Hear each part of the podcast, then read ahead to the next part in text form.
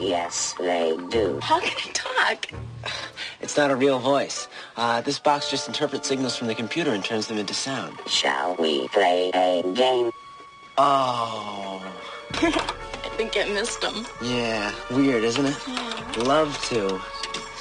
How about global thermonuclear war?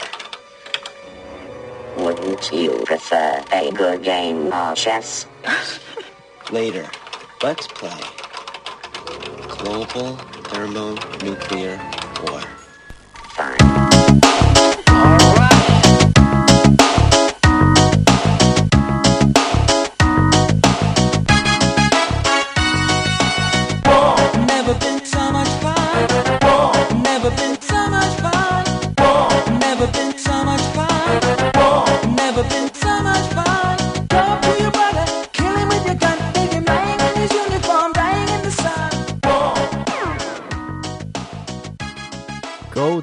Brother, kill him with a gun, leave him lying in his uniform, dying in the sun. Det var altså budskapet til eh, jeg vil si antikrigsspillet til Sensible Software, nemlig Cannon Fodder. Velkommen til krigsspill spesial i Lolbua. Lars fra Harstad og Magnus, som sitter rett eh, nedafor skråninga mi her i Oslo. Velkommen skal dere være. Takk, takk. Hello. Krigsspill spesial, hvorfor valgte vi dette temaet? Spørre Magnus. Nei, du må ikke spørre meg. Eh, Jeg foreslo en hel haug med ting som foregår for tida. Eh, En av de tingene som skjer, er jo eh, eh, Det er jo masse hysteri i media nå som de er veldig glad i. Dere er veldig glad i, Lars. Eh, Ja, Og det er jo da krigstyper. En pønn jeg ikke skal ta ære for. Den var det Jon Cato som starta med på Facebook i dag. Om en kommende kald krig mellom USA og Russland igjen. Så da er vi tilbake der vi var på 80-tallet. Det syns jeg var et interessant tema, fordi det fins en hel haug med kald krig-spill. Og vi fant etter hvert ut at eh, det var så mye å snakke om at vi like godt kunne brede ut litt og utvide temaet til å gjelde krigsspill generelt. Og da starta vi en eh, helt ny krangel. Helt kurant tenking. Ja, men, det er jo litt skummelt det som skjer i eh, Ukraina akkurat nå. Det er jo det. Jo da, det var gøy. Jeg, jeg drev og leste en- den siste boka Tom Clancy skrev før han døde. Han ble jo drit etter hvert, men han skrev en litt morsom bok om nøyaktig Russland på vei inn i Ukraina. og eh, De drev og ga pass til eh, folk sånn at de ble russere, sånn at de skulle ha en bedre grunn for å gå inn. og Det er vel omtrent det som har skjedd For- nå, da, på et vis. Så eh, ja. Vi vet jo ikke helt hva som skjer, men eh, det er jo gøy å spå litt. Og eh, kalde krigen ga jo Og krig generelt gir jo oss fantastisk flotte spill, da.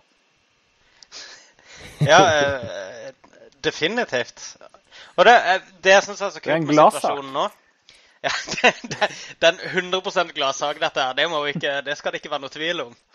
At vi er bare happy for dette. Nei, men det som er eh, enda mer vittig nå, da, siden vi er inne på de positive delene av den kalde eh, kommende krigen, er jo at eh, Russland har jo fått et, et skikkelig solid spillutviklermiljø siden sist.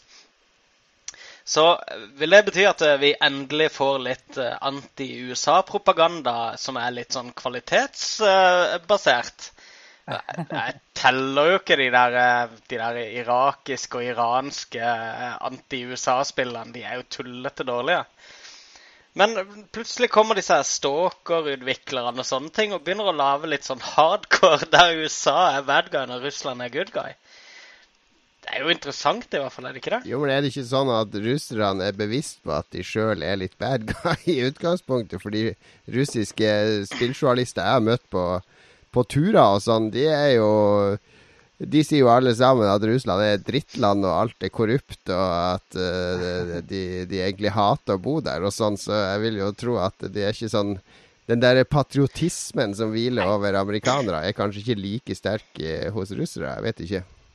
Nei, det er nok helt riktig. Men eh, du skal ikke undervurdere den effekten en liten kald krig kan ha på og, og et eh, solid propagandaapparat kan ha på patriotismen hos de Men de er jo veldig fleste, forsiktige, da, amerikanerne nå. Altså, de tør jo bare å velge sånne trygge fiendebilder. Altså, terroristene er jo alltid jalla jalla muslimer og, og afghanere og Altså, det, det er folk som egentlig ikke kan gi dem en, en stemme tilbake. Eh, de tør jo ikke å lage en, eller gå inn i betente konflikter med allierte, sånn som russere eller noe sånt. Det, Ja, tror du det blir eh, et spill om to år om Ukraina-konflikten? Nei, men eh, Forskjellen er vel at i USA så er man veldig glad i å kritisere regjeringa og vise at man ikke stoler på verken den ene eller den andre. Spørs om de er like, like tøffe i Russland. Det kan man jo diskutere. Men skulle vi ta hele temaet nå, eller hvordan er det? Nei da, vi har jo vi har delt det opp i bolker, men nå vet i hvert fall folk at det blir å handle mye om krigsspill i denne sendinga. Men som Ja. vanlig, så vi kan begynne med som vanlig å snakke litt om hva som har skjedd siden sist. Det er ikke så lenge siden vi hadde siste podkast, men jeg har i hvert fall gjort en, en eh, god del. Vi kan begynne med meg for en gangs skyld. jeg har eh, jeg, Egentlig så skulle jeg på, på Bylarm, men jeg klarte bare å få med meg én dag fordi jeg måtte være hjemme fredagen pga. sykdom i heimen. Men eh, det har også gjort siden sist, er at eh, for en måned siden så ble jeg valgt ut til å sitte i juryen til noe som heter Nordic Game Awards, som er en del av, eh, av eh, Nordic Game, som foregår i Malmö i, i eh, mai. Og den, det den juryen skal gjøre, er jo å eh, kåre de beste nordiske spillene som kom i fjor, i fem ulike kategorier. Og det er seks år siden jeg satt i den juryen, og det, det Basically for seks år siden så fikk vi en liste med noen få spill. Da dominert av noen svenske storspill, altså noen finske obskure spill, altså noen eh, norske barnespill. Og EVE, en EVE Online-ekspansjon fra Island, altså et par danske spill. Det var ganske lett å kåre vinnere og, og alt mulig sånn. Men så den lista jeg fikk i år, var jo vel over 40 ulike spill. Masse, masse mobilspill, og masse dødsbra mobilspill. Masse kjempebra barnespill, og ganske spesielt den Artistic Achievement-kategorien var ganske hard, for der har du spill som det er 140, det danske spillet som jeg elsker, laga av han derre eh, Limbo-utvikleren. Eh, og Device 6 og Yearwalk og en hel masse sånne megakunstneriske spill.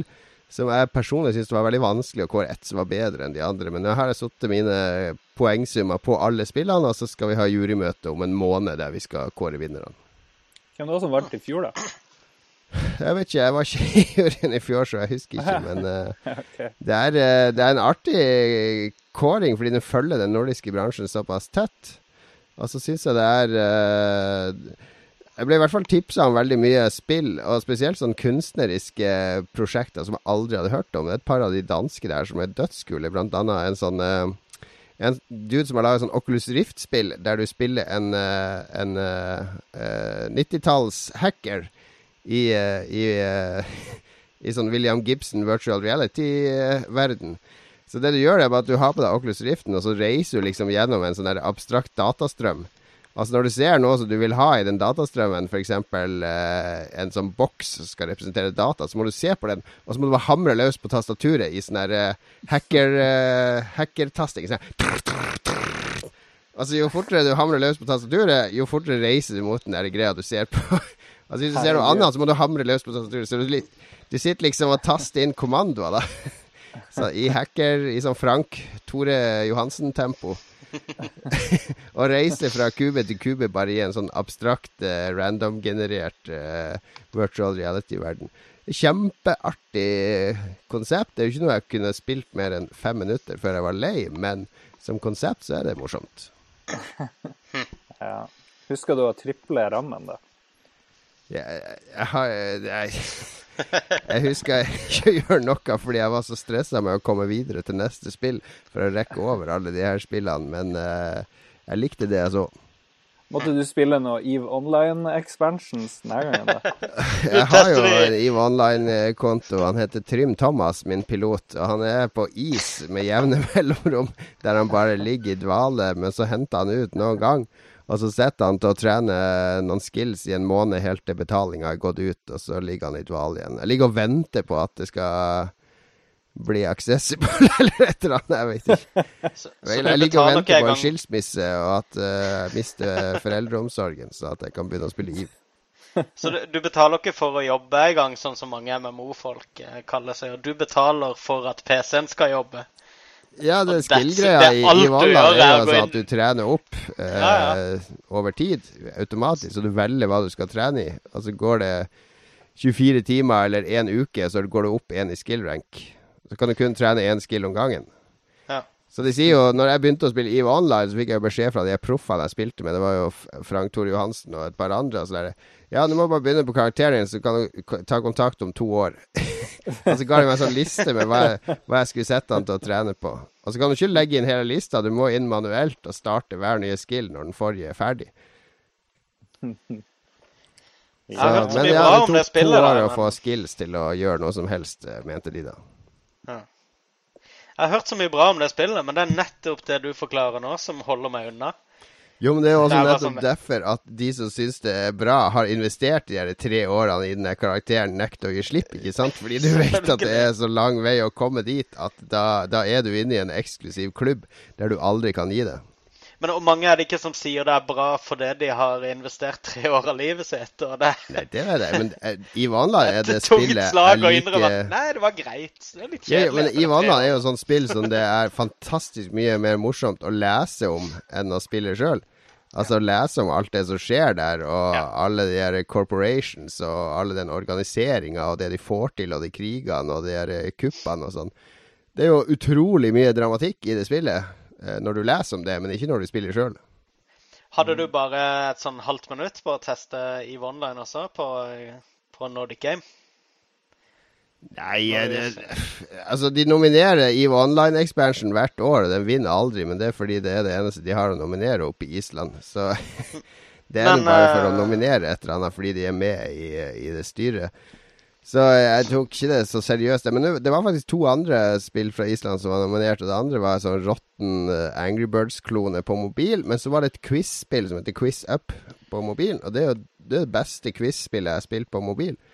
Det har sånne der tema som, uh, som Stephen King og uh, Nintendo titles og uh, eh, tabletop RPGs og sånne ting.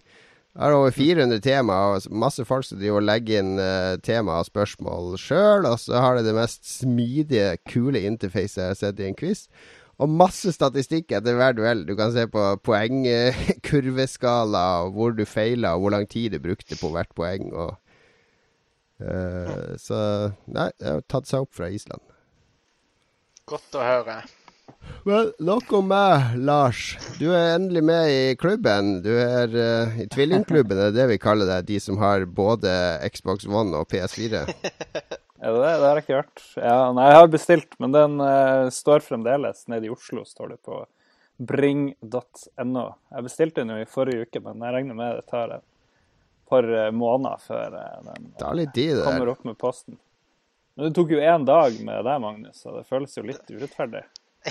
ja, jeg fikk han faktisk. Jeg bestilte før klokka tre, og fikk, han, eh, fikk melding klokka fem dagen etterpå at nå var han på postkontoret. Skulle ikke forundre meg om Posten kjører sånn oppsamlingsbil nordover, så de det. venter til bilen er full før de kjører. Ja, det går helt greit. Det er ikke noe stress. Titanfall er vel ikke på plass ennå, så vi får se. Det er jo ikke så langt unna. Hva er det, 13. det kommer? Er det ikke det? Eh, Titanfall, ja, det er neste ja. uke. Ja. Nei, så, Så, mens jeg, ja. mens jeg venta, så i eh, samsvar med temaet vårt, så var jeg på militærøvelse i bushen her ute med to veldig høyt på strå folk. De var ganske kjedelige, men det var jo gøy å møte sjefen for eh, Sjøforsvaret i eh, England, eller Oi. The Royal Navy. Eh, han kalte, var, måtte kalle ham for Sea Lord. Det var litt kul tittel, da. Hvor du hele tida sang sånn her til han In the Navy. Så motparten fra Norge der, og han fra Norge var i hvert fall kjedelig. Så vi drev, jeg og journalisten som var der, vi bare drev og kødda og styrte litt på. Så jeg drev og redigerte.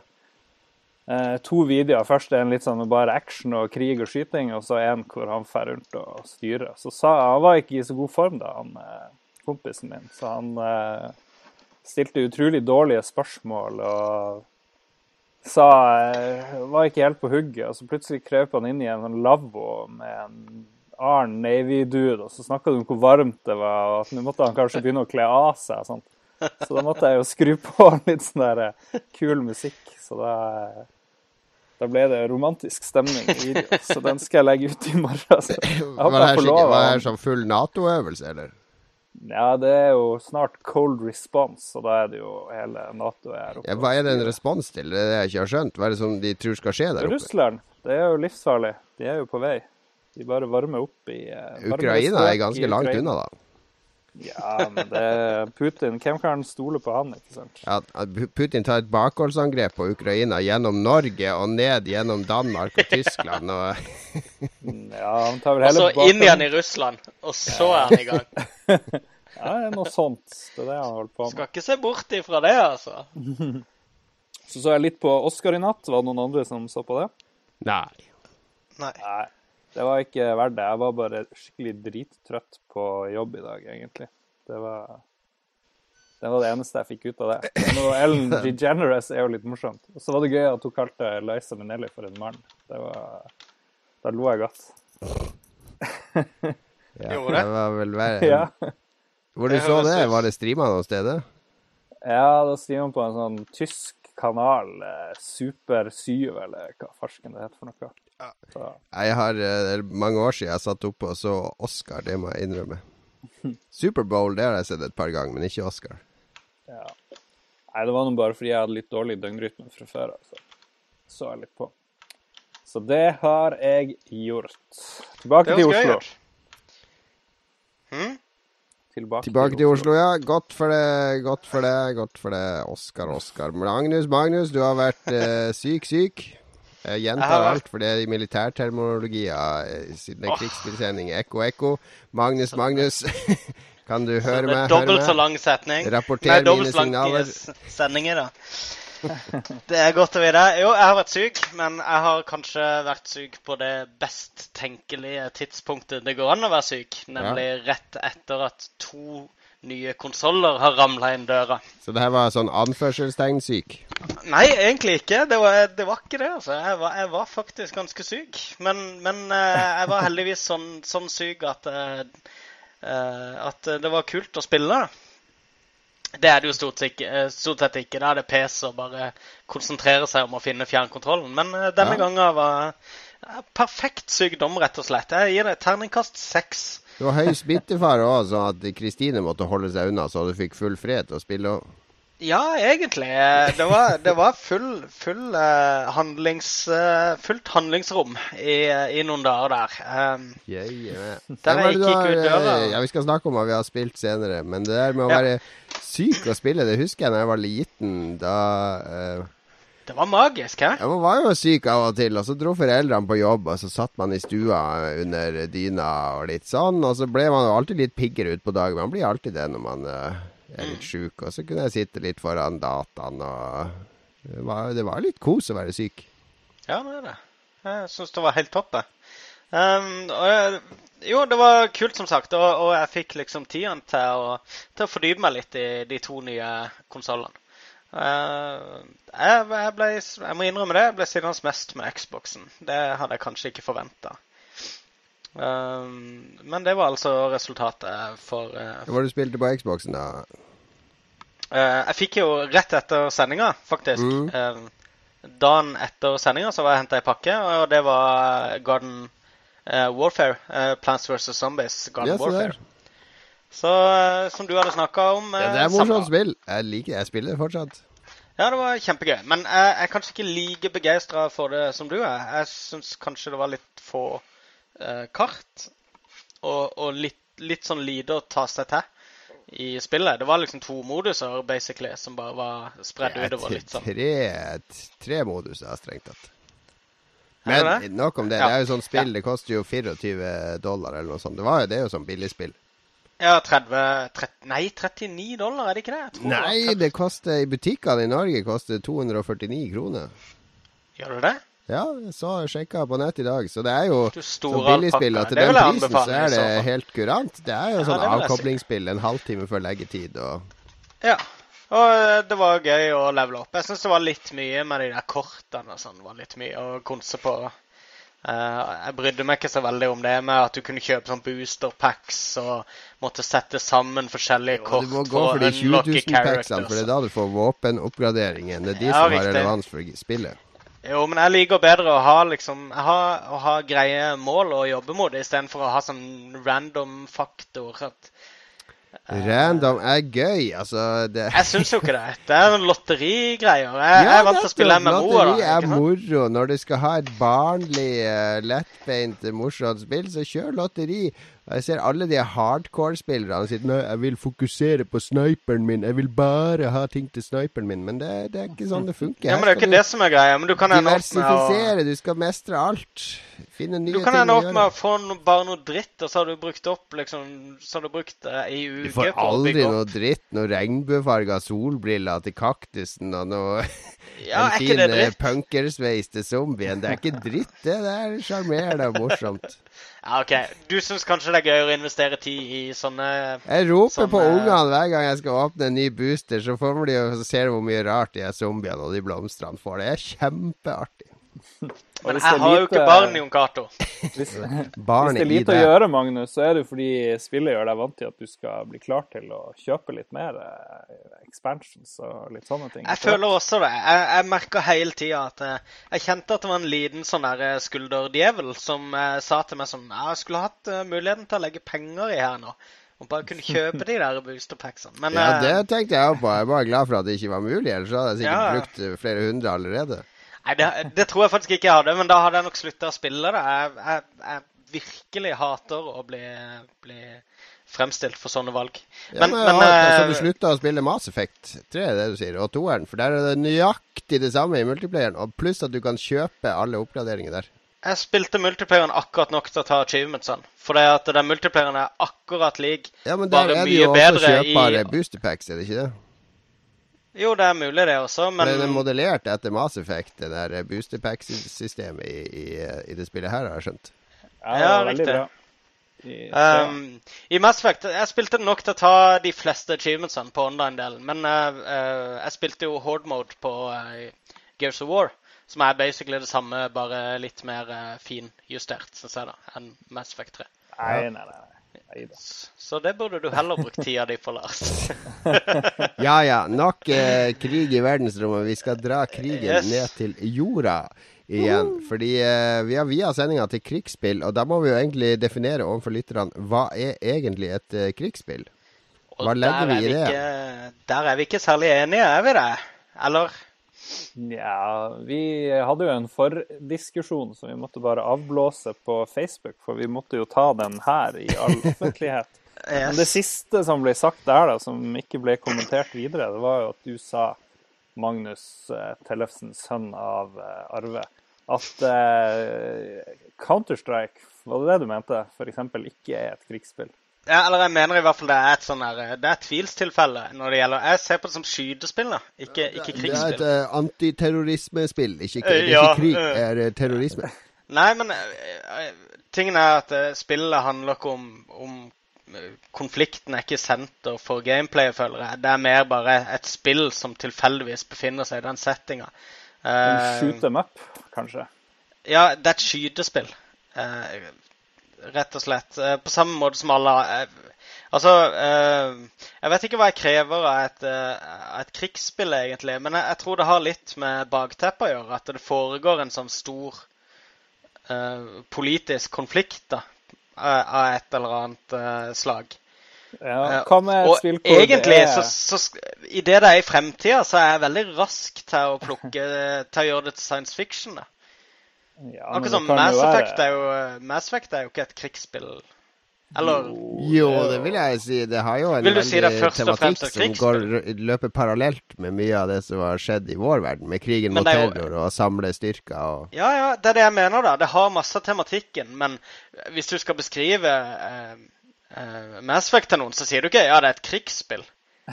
Neida, men må, Du sier det er et science spill fiction-spill, kun- og du sier det er et rollespill. Kan et spill kun være i én sjanger, da? Det kan jo Nei. være en berøre andre ting. Så vi kan Ja. jo Jeg kan jo være enig med at jeg vil, jeg vil ikke kalle det Mass Effect et science fiction, nei, et krigsspill. Er jo mer en sånn space-opera med Ja, jo- krig og drit og, dratt, drit og tull. Men eh, det kan jo, kan jo være med i underkategorien, i hvert fall. tenker jeg. Jo, jo, men jeg, jeg er med på det, da. Altså Det Magnus sier, er at Star Wars er ikke en krigsfilmserie, til tross for at den har War i tittelen. Tygg på den, Magnus.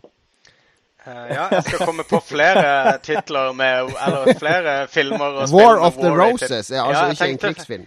Ja, det tenkte jeg også.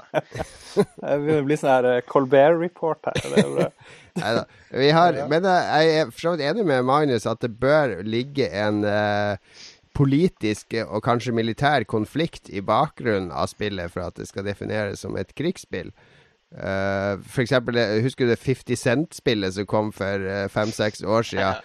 Line in the Sand, eller hva det heter for noe. Der 50 Cent drar til Midtøsten, og så blir han ikke betalt etter konserten. Og så Hele spillet er jo sånn her eh, coverbasert Gears of War-spill, der 50 Cent og DJ-en hans løper fra cover til cover og skyter ned arabere. Det, det er jo sånn Midtøsten-krigsspill, bare at det har jo ingenting med noe reell konflikt eller krig eller en en kommentar om krig å gjøre. Det er en rapper som viser muskler i Midtøsten. Det er et actionspill, hæ? Det er et actionspill, så jeg ville jo ikke kalt det et krigsspill. Men hvis det hadde vært en annen setting, med, der det var en amerikansk soldat i, på, på vei mot uh, Fallujah eller et eller annet sted, så ville det jo plutselig vært et krigsspill. Eller hør, Ja. Lars. Jo, jeg for så vidt. Det blir jo sikkert litt flisespikkeri og kanskje ikke så interessant for alle, denne debatten, men det er jo for så vidt interessant å diskutere det. Så, eh, men jeg tror vi kan være enige om at et krigsspill er jo et krigsspill da, hvor det er en konflikt, og hvor det er noe mer enn bare at du springer rundt og skyter. Men eh, f.eks. Battlefield 4, eh, som jeg har prøvd å spille litt og forstå historien. Jeg skjønner jo ingenting av den der historien. Det later som at det er en stor konflikt, at det skjer noe. men jeg detter jo ut etter fem minutter, og så bare klikker jeg forbi det der driten. Og så. Du bare lurer på hva den der eh, homofile drugdealeren fra The Wire gjør i den krigen. Så, Men, men, så, eh, men det er jo Det er jo, hva skal du si, en sånn her sykdom hos uh, krigsspill er at de klarer ikke skrive gode storyer til det. Det er et eller annet med i det det omhandler militæret, så sliter de med å fortelle det. var det ikke mange som likte uh, Spec Ops eh, The Line? Uh, Jo, som, det er fra det Jeger, eh, eller hva de heter. Det, Jo, det har fått mye ros for historien sin. Og det skilte seg veldig Altså, Du hadde jo disse her som Homefront og disse her òg. Og uh, hva var det hett for noe det der i var det 2003-2004 som liksom eh, Var det et eller annet Vietnam Eller Nam eh, som skulle vise de der eh, de, de mørke sidene av Vietnamkrigen og sånn, som tvang deg Ja, det var vel eh, Killzone-utviklerne som lagde det. Uh, ja, sikkert. Ja. Og det var jo Der du bare var med på alle de atrocitiesene og måtte drepe uskyldige og barn og kvinner og sånn. Det var flåsete, ikke sant? Men der prøvde de å, å gjøre noe nytt. Det, det virker som det folk vil ha, er liksom uh, The Rock. Forklart på forskjellige Ja, for, måter. for Problemet er vel at mens krigsfilm generelt eh, viser oss eh, grusomhetene med krig og har lite Og hvis den har noen politiske undertoner, så er det som regel et spark oppover til generaler og beslutningstagere og og til de som har starta konflikten, og, og det galskapen i krigen og det umenneskelige som er i fokus. Mens i spill så er det jo for det meste heltehistorier. Altså, som de Medal of Honor-utviklerne likte å si. Vi, vi, vi vil hylle våre menn der borte, og det her er en tribute til de som vier livet sitt til det her, osv. Så, videre. så det, det er jo ikke ikke kommet veldig langt. Glorifisering av kameraderiet og uh, den der æreskodeksen hos, uh, hos soldater. Og, er, sant, Alle som har runda en singleplayer i et Call of Duty-spill, vet jo hva det dreier seg om. Det er sånn USA, USA-endings i absolutt alle spillene. Det er helt grusomt. men det er ikke noe, men det er, jeg vet ikke De har mange spillere i USA. Ja. Eh, kanskje- Vi mangler vel eh, Stanley Kubrick og, eh, og de her gode regissørene på film, som Ja. enda mangler i spillverden. Vi har vel han David Cage som prøvde å gjøre noe i den her Kar. Beyond Two Souls. eh, Ja, i et eller annet land. Jeg husker ikke hvor han var, i Mogadishu eller hvor det var. Men jeg kom aldri så langt i spillet, så jeg vet ikke om det var noe bra da. Det er jo den verste dit? delen av spillet, er jo de Ja, er- sninkedelene i, i de ruinene der. Det er jo helt forferdelig, egentlig. Når du finner han lille gutten som hjelper deg. Ja, det, Ja, det var Nei, det var nok, men det er en sånn overtydelig. David Cage-kommentar Ja, at nå var- skal du føle. Nå skal du Føl! føle Altså, eh, kanskje, vi må, kanskje vi ikke skal diskutere Metal Gear Solid-serien. Det bør kanskje være en egen eh, episode når eh, spillet slippes, for der er det jo virkelig heavy eh, krigstematikk eh, Ja. hele veien gjennom. Ja, men han får det til. Han er bedre enn mye annet. Men det kan vi spare. Vi må ha en egen uh, Vi må finne på noe morsomt ordspill rundt Hidio og Kojima og sånn, så vi kan ha en egen episode rundt han. Men det, det tror jeg vi sparer. Nei, men det, det vi, har, eh, vi har vel klart å definere på en måte hva vi mener krigsspill er nå, har vi ikke det? Jo, jeg føler det. Den, den hellige treenighet her i Lolbua. Da går vi direkte over til nyheter. Du er klar, Magnus? Oi, vent. Det er jeg ikke. Jeg er slett ikke klar. Jo, jeg kan godt lese det for første gang nå. Hva sa du?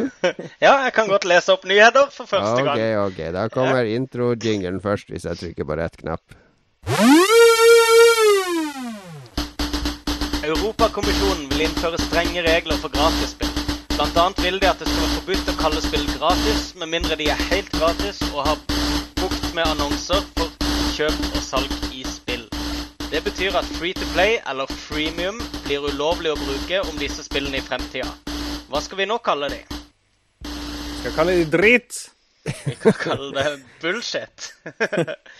Nei, det det, er, jo eh, det, er, det tror jeg er eneste, eneste gangen jeg har sett at uh, Europakommisjonen eller en annen myndighetsorgan vil inn og regulere dataspill, og spillerne har jubla. Jo, det er godt mulig. Men det er vel første gang ikke norsk forbrukerombud eh, går i bresjen for det også. Ja, antagelig. Men det, er jo, det har blitt et kjempeproblem. Altså, det det ble lagt frem noe statistikk nå i januar om, eh, om eh, freemium-spill, der, der det viste seg at 1,5% av de som spiller sånne spill, de legger igjen penger i det. Og eh, 50% av inntektene til f.eks. Eh, Candy Crush kommer fra 0,15% av spillerne. Ja. Altså, det er ganske få spillere som putter ganske mye penger i disse spillene, og det er jo snakk om disse hvalene. Og det som det virker som òg, er jo at eh, veldig mange av de som putter mye penger inn, det er jo eh, unger som har snappa opp koden fra foreldre, og så får de i løpet av en måned blåst av gårde en 5000-6000 på eh, smurfebær eller eh, eh, sukkertøy, eller hva det er man kjøper i alle de her spillene, og så blir det slutt på det, da. Er det Eller folk nettopp- med spilleproblemer. Ja, eller folk med spilleproblemer. Men, men eh, det, det er jo nettopp dette Europakommisjonen vil til bukt med. Så jeg syns det er bra at uh, En av de tingene de sa òg, at alle salg skal foregå på kundens premisser. Altså kunden skal aktivt oppsøke og kjøpe ting, ikke få pressa i trynet. Sånn som i Trolls vs. Vikings, der du får en belønning på at du kan kjøpe gull med 30% rabatt, men NB, du må gjøre det inn, og så er det sånn timer som teller ned. Oi. Ja, det Ja, det er ganske, det er ganske voldsomt salgstriks, egentlig, å få midt i fleisen. Jeg husker det, det var en achievement en gang som krevde at du brukte penger i en eller annen butikk. eh, I en eller annen EA Store eller noe sånt. ja, det Og det var, jo, det var jo nærmest opptøyer på internett etter den achievementen ble annonsert. Men, men hva skal de kalle de her spillene nå, seriøst? Altså, Flappy Bird er jo et free to play-spill, for der er det ingenting du kan kjøpe i det spillet. Du har en liten annonse øverst, så det, det er helt greit. Men hva skal f.eks. Uh, Candy Crush Saga kalle seg, hvis de ikke Men får sånn lov som- å bruke ordet free? Jeg syns freemium uh, Det er mer eh, Det er et sånn Ikke sant? Der skjønner du at det- der kødder de med Der presser de inn ordet free i et uh, betalingsord. Så det, Ja. Der mener jeg at eh, OK, her er det noe muffens. Der aner jeg ugler i mosen når, de, når noen prøver å presentere det på en finere måte enn det det er, da. Ja, ja, ja. Eh, Men- men det gjelder jo ikke eh, nødvendigvis alle. Ja. Så, men jeg vil jo spørre meg sjøl, vil man bli kvitt problemet med at noen blakker seg helt på de her spillene, uansett hva man kaller det? Nei, men jeg kjenner foreldre ikke sant, som konsekvent lar ungene laste ned hva de vil av gratisspill, fordi de tror at de spillene er gratis. Og så kommer det mas i ettertid om 'mamma, mamma, kan jeg få kjøpe litt diamanter', 'kan jeg få kjøpe litt gull'? Og så får de det. Altså, jeg har en kusine, og hun, påst hun sier hun har brukt mange tusen i de spillene fordi ungene sitter og spiller de i helga og vil ha penger til å spille videre.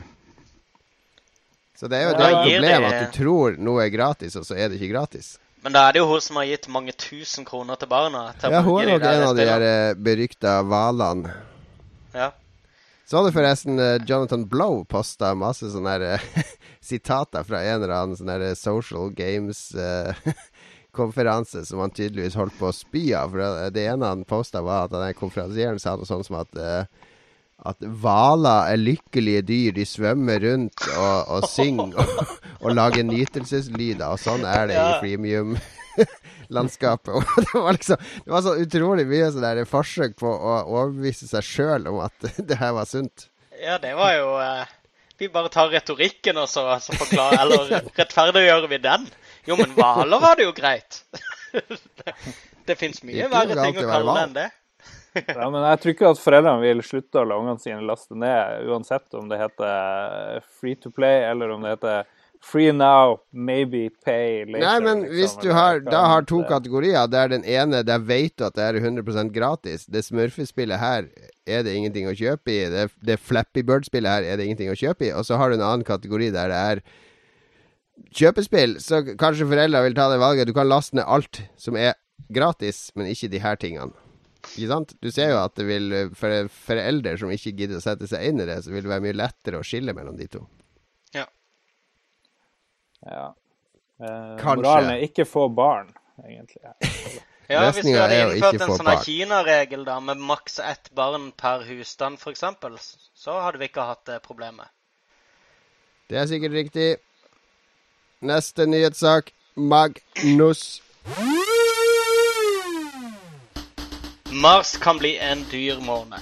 Storspillene står i kø, og du må regne med å selge din ass hvis du skal sikre deg Titanfall, Infamous Second Son, Metal Gear Solid 5 Ground Zeroes, Yoshi's New Island, South Park The Dick of Truth Og det var, det var raffinert.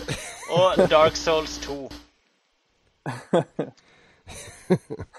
Ja, Ja, hva, hvem som har skrevet den nyheten her? Det var jo Marcia er, er jo en dyr måned. Ja, nei, men jeg førte mine, for jeg lurte på hvor, hvordan av de her spillene som dere skal skaffe dere. Jeg vil jo spille Titanfall, Infamous, Metal Gear Solid, uh, Yoshi's New Island vet jeg at jeg skal spille, South Park må jeg få. Dark Souls, Souls 2 er vel det eneste jeg ikke har tenkt å spille så mye. Og så kommer i tillegg Final Fantasy 10 og 10 HD-remixen. Og så kommer Luftrausers ut, og så er kommer? Fess på nytt. Så Hva er luftrauser? Det er blambir, det er. Ridiculous Fishing, uh, Ja. Supercrate Det er uh, sånn dogpilot, uh, fly, 2D, sprite, enkelt. Det er sikkert kjempekult. Men jeg kommer jo ikke til å få tid til å spille alt det her, da. Så det blir jo krise, egentlig. Jeg jeg kommer nok til å gå for Infamous eh, Men Titanfallet Titanfall er eh, pri én for meg denne måneden her. Det er det ingen tvil om. Det er jo hovedgrunnen til at jeg kjøpte en Xbox, og til at jeg venta såpass lenge, var at jeg ville vente til det nærmer seg Titanfall. Eh, jeg, så en sånn her eh, video med de 13 første minuttene av South Park-spillet, og jeg ble litt interessert, må jeg ærlig innrømme. Jeg gleder meg litt til å spille det. ja. Metal Gear Solid kunne jeg ikke dritt nok i, egentlig. Uh, men det er mulig Nei, jeg er helt uinteressert. Uh, hvis ikke de har tatt noen veldige grep på utforming av spillene, så er jeg ikke jeg noe fan av, av Metal Gear-serien. Uh, Infamous er også en litt sånn kjedelig, pregløs serie, hvis du ser på Altså Av alle de spillene på den lista der, så har jeg Infamous helt på bunnen. Det, jeg har spilt det i to timer oppe hos uh, Nordisk Film. Det er, det er den Infamous 2 på nytt igjen. Og det er ok. ganske jeg, jeg ble ikke sånn voldsomt imponert, altså. Det er alt, alt er sånn som det var før. og Løpinga har blitt mye lettere, da, for du løper automatisk opp vegger sånn ved å holde inn en knapp. Så du har ikke Ja. lenger det der eh, Det likte jeg godt før, der jeg måtte klatre og hoppe og finne grep og komme deg opp og sånn. Nå var det bare å løpe rett opp, sånn som i alle sånne superheltspill. Så Akkurat som i Prototype, som var det første spillet som tok knekken på et Infamous-spill.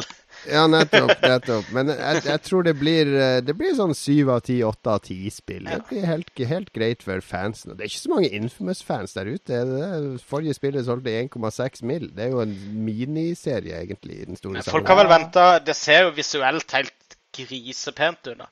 Eh, og jeg tror spill? Det gjør Killzone nå. Jeg tror det er mange Jeg tror det er mange du, Jeg tror det er veldig mange Jeg har Killzone liggende her nå, faktisk. Ja, men du har ikke spilt det. Nei, det dukka opp i dag, så Ja, det har jeg ikke spilt ennå. Men uh, jeg tror det er veldig mange PlayStation 4-eiere som, har, eh, som venter på eh, et eller annet show. Ja, du venter på et spill å spille, ja. Det tror jeg òg det. Ja. ja, og Infamous er det neste store til konsollen. Og i hvert fall når eh, alle Xbox-folka sitter og godter seg med Titanfall, så tror Mm. jeg nok at eh, det er en del som tar et ekstra innkjøp på Jo da, det kom, de kommer nok til å selge greit til den For å tette tette som er ræva, Men jeg som tror ikke det er noe sånn heroin-junkien sier. Goti-materiale, altså. Nei, det tror jeg absolutt ikke. Det er jo spennende å se på eh, spillforum og sånt, fordi de som er PS4-fanboys, har vanvittig tro på Infamous. Ja, men det har de, Det- det har de hatt til driver og hver eneste. Litt. Ja, men jeg tror Det de er- driver og lurer seg litt om at det her skal være liksom Titanfall, at det potensielt kan selge mer. Og Herregud, Det det er er jo akkurat som på 90-tallet, når vi glemme. satt der og folk satt og lurte seg sjøl til å tro at uh, Nights Into Dreams skulle være en Mario-killer på, Ja. på Saturn, og Crash Bandicut var bedre enn Super Mario 64 og sånn. Man satt jo i hver sin leir og prøvde å overbevise seg sjøl om at, uh, at det var sånn.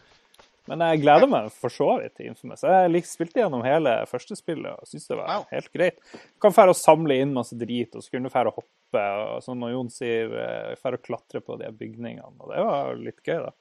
Men du, var det ikke Prototype som kom helt sånn på likt som eh, Infamous 1? Jo, de kom omtrent likt. Men Og så uh, kunne du gjøre det samme, bare eh, mye mer fantastisk.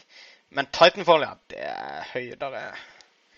Det må vi snakke online, litt om neste uke, for da har vi vel alle fått det. Og så Metal Gear Solid, det er jo hovedgrunnen til å spille det for meg, er jo at det skal ta to timer å runde. Så det, det er jo perfekt eh, lengde, for en gangs skyld. Det er akkurat nok til å se introen, det. Omtrent. omtrent. Uh, Yoshi, sånn det driver vel vi og spiller nå, Lars, men det må vi vel vente til neste uke med å snakke om. Uh, og South Park, det tror jeg også blir kjempeartig. Eh, Jeg har- jeg jeg har ikke- et par sånne- Jeg har ikke fått det fra Ubisoft ennå. Jeg tror jeg må sende det i en mail. Jeg har Det kikka litt på på vei, vet jeg. den videoen, i hvert fall. Viser et gameplay som eh, Det er liksom på nivå med Mario Luigi, da. Eh, De første Mario Luigi-spillene. Som handler om en sånn hot button action-greie, og så resten er turbasert. Eh, Kult. Det er stor Ja. fallhøyde likevel. Eh, jeg føler ikke det, det finnes så veldig mye bra South Park-titler å, å slenge i bordet med eh, ellers, da. Så Nei, det er vel ingen av oss som har prøvd det, men det det var en tweet fra en journalist som sa vent på anmeldelsene før du kjøper spillet, men eh, Så Men har gud jo, vet. jeg har jo sett på Gamespress-forumet, for der er det mange som har fått det og runda det allerede. Og det ligger an til å få ganske høye scores, i hvert fall ifølge det forumet. OK. Det er decent folk som lager det, da. Og jeg digger jo Fallout eh, New Vegas. Syns jo er det kuleste Fallout-spillet. Så Ja, Men, men dere har hoppa over det aller viktigste spillet av alle på lista, nemlig Dark Souls 2, som jeg allerede Som jeg har oppe i PlayStation 3-en min her oppe, som jeg allerede har lagt i hele helga mi har jeg brukt på det spillet. Så, men det kan vi snakke mer om eh, når vi skal snakke om hva vi har spilt etterpå. Ja, jeg er litt ambivalent det. Eh, Jeg er litt sånn her Har jeg lyst på rundhjuling? Men uh, um, jeg har lyst til å teste det. Jeg kommer nok til å prøve det. Men, men får se hvor mye jeg bruker, og hvor tidlig jeg kjøper det. da. Ikke nødvendigvis på Det er launch. tidkrevende og det er intenst, men jeg skal avsløre alt etter eh, lytterspørsmål og, eh, og pause. For vi, eh, vi hadde bare to nyheter denne gangen. Krig er et såpass alvorlig tema at vi kan ikke lefle for mye med sånne trivielle nyhetssaker, så vi pløyer videre i sendinga vår over til lytterspørsmålene. Og eh, Lars, han eh, eh, Hattlissen, som han heter på Twitter, det er jo han som har eh, vært eh, fast innsender av strømpostbrev til oss, som nå har kommet seg på Twitter. Mm. Og han har lest en artikkel av Rachel Sanders, 'I was a Final Fantasy addict', som hun har skrevet på eh, nettsida hun jobber på. som han likte godt, og kommer med mange gode refleksjoner rundt det å bruke sin tid på videospill som voksen, men med negative konklusjoner. Har vi noen tanker og kloke ord om det voksne liv og spilling som vi vil dele? Um, ja, nei, jeg vet ikke. Hvis man har et problem, og hvis man opplever at spillinga går utover dagligliv og forhold og jobb og helse, så er det jo et faresignal. Men hvis man unngår det, så er det jo bare å knalle på. Hun merka vel at hun ikke fikk gjøre det hun egentlig ville, eller det hun oppdaga at hun ville. Det var vel noe sånt. Jeg Og da er det jo helt greit. Jeg så kikk bitte litt på det. Hvor gammel var hun dama? Hun er nå i midten av 20-årene, tror jeg. Ja, Så hun er i den der første alderskrisa.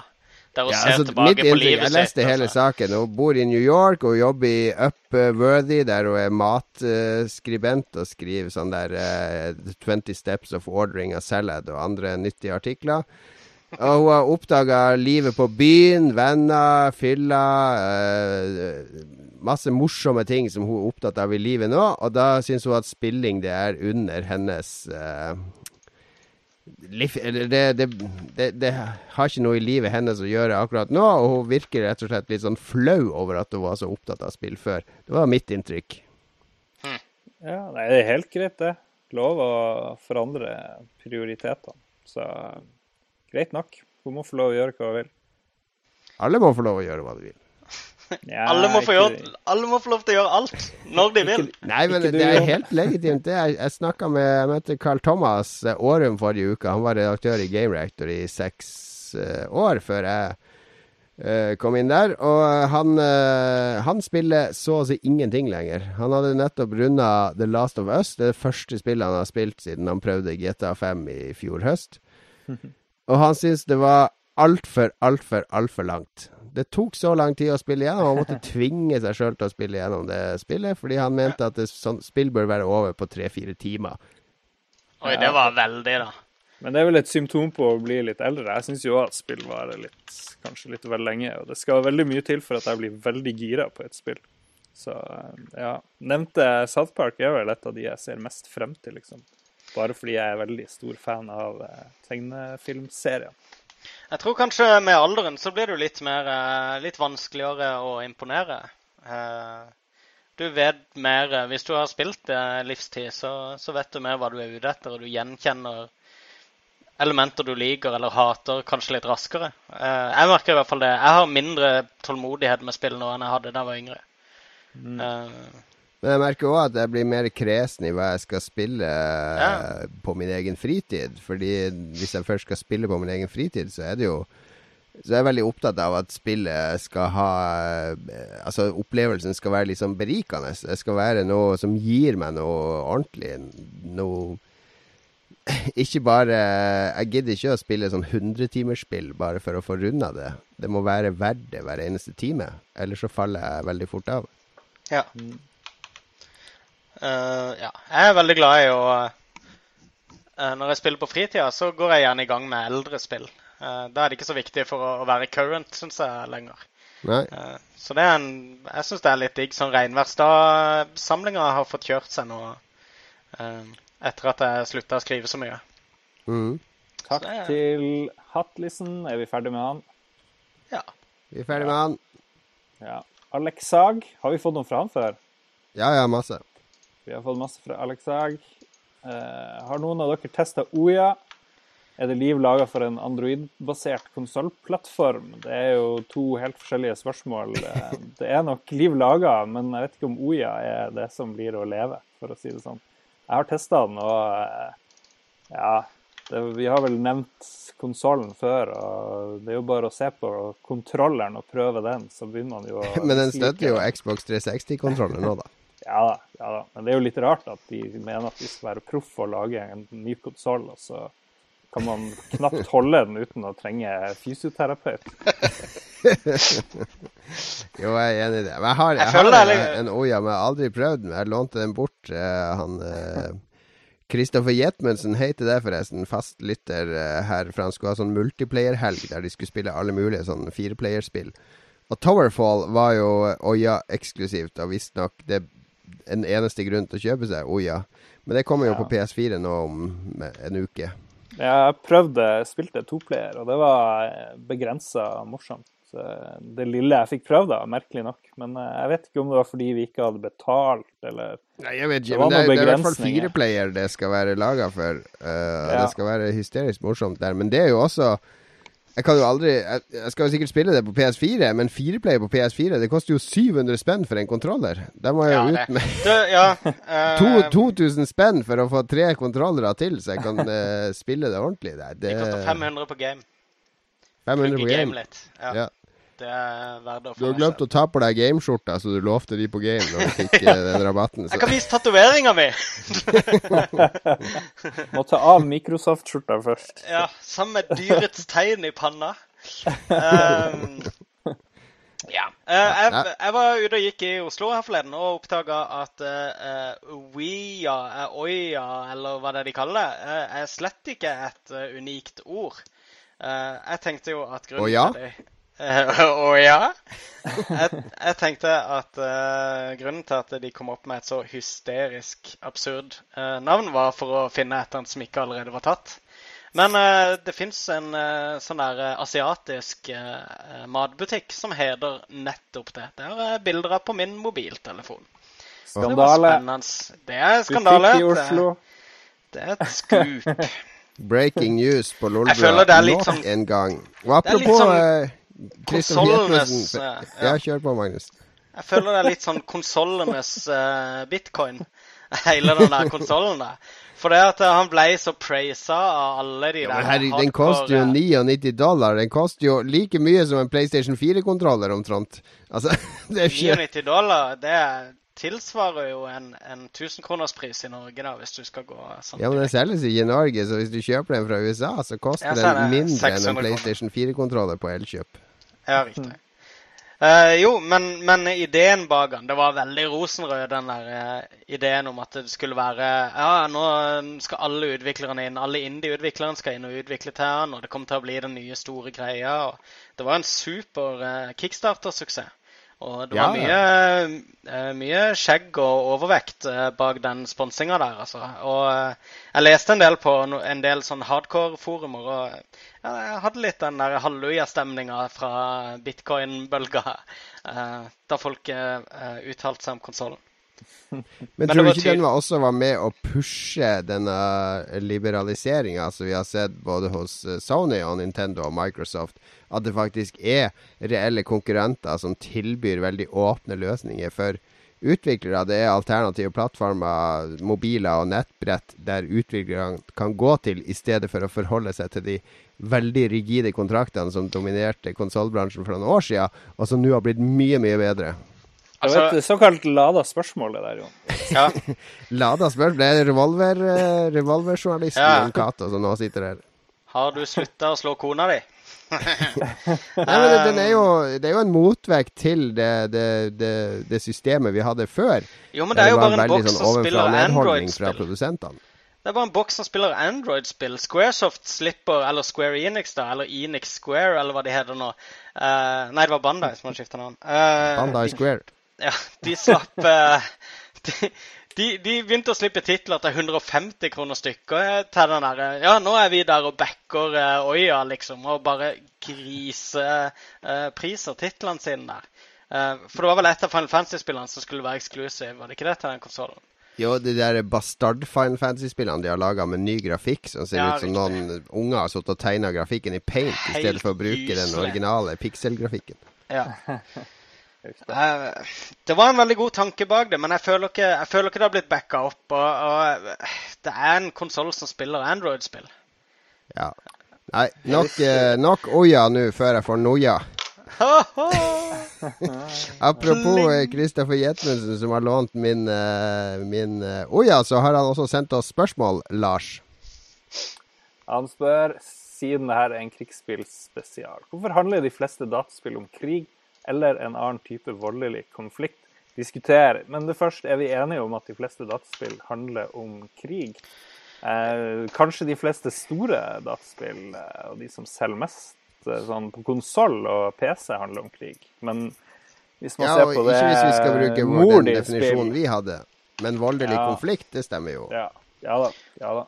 Jeg har en teori på det, og som ikke er så veldig mystisk eller eh, omstendelig. Men det er jo bare at i en krigssituasjon så polariserer du eh, sidene i en konflikt. da.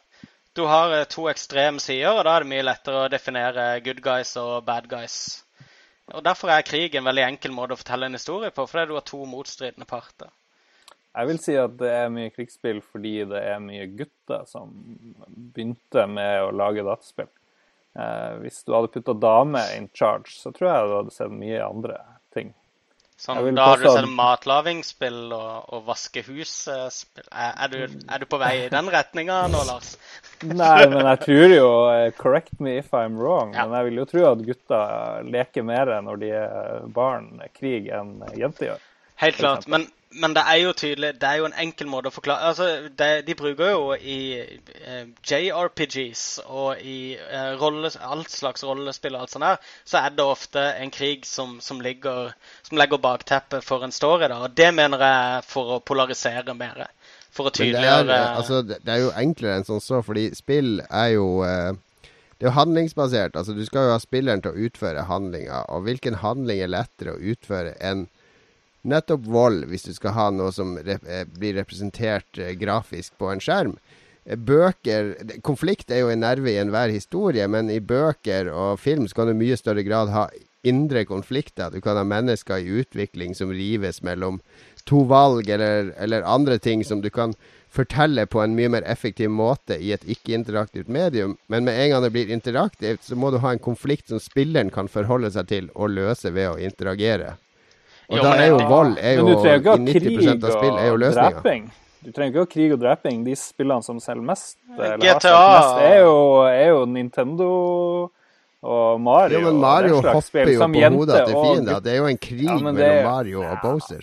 Nei, men da er vi veldig breie. i- Jo, men det, det er også vold. Det er vold. Ja, men er det, Vil du si at det er en, en pågående militær uh, voldelig konflikt mellom Bowser og Mario? Jeg har propagandaplakatene til Bowser oppå veien her.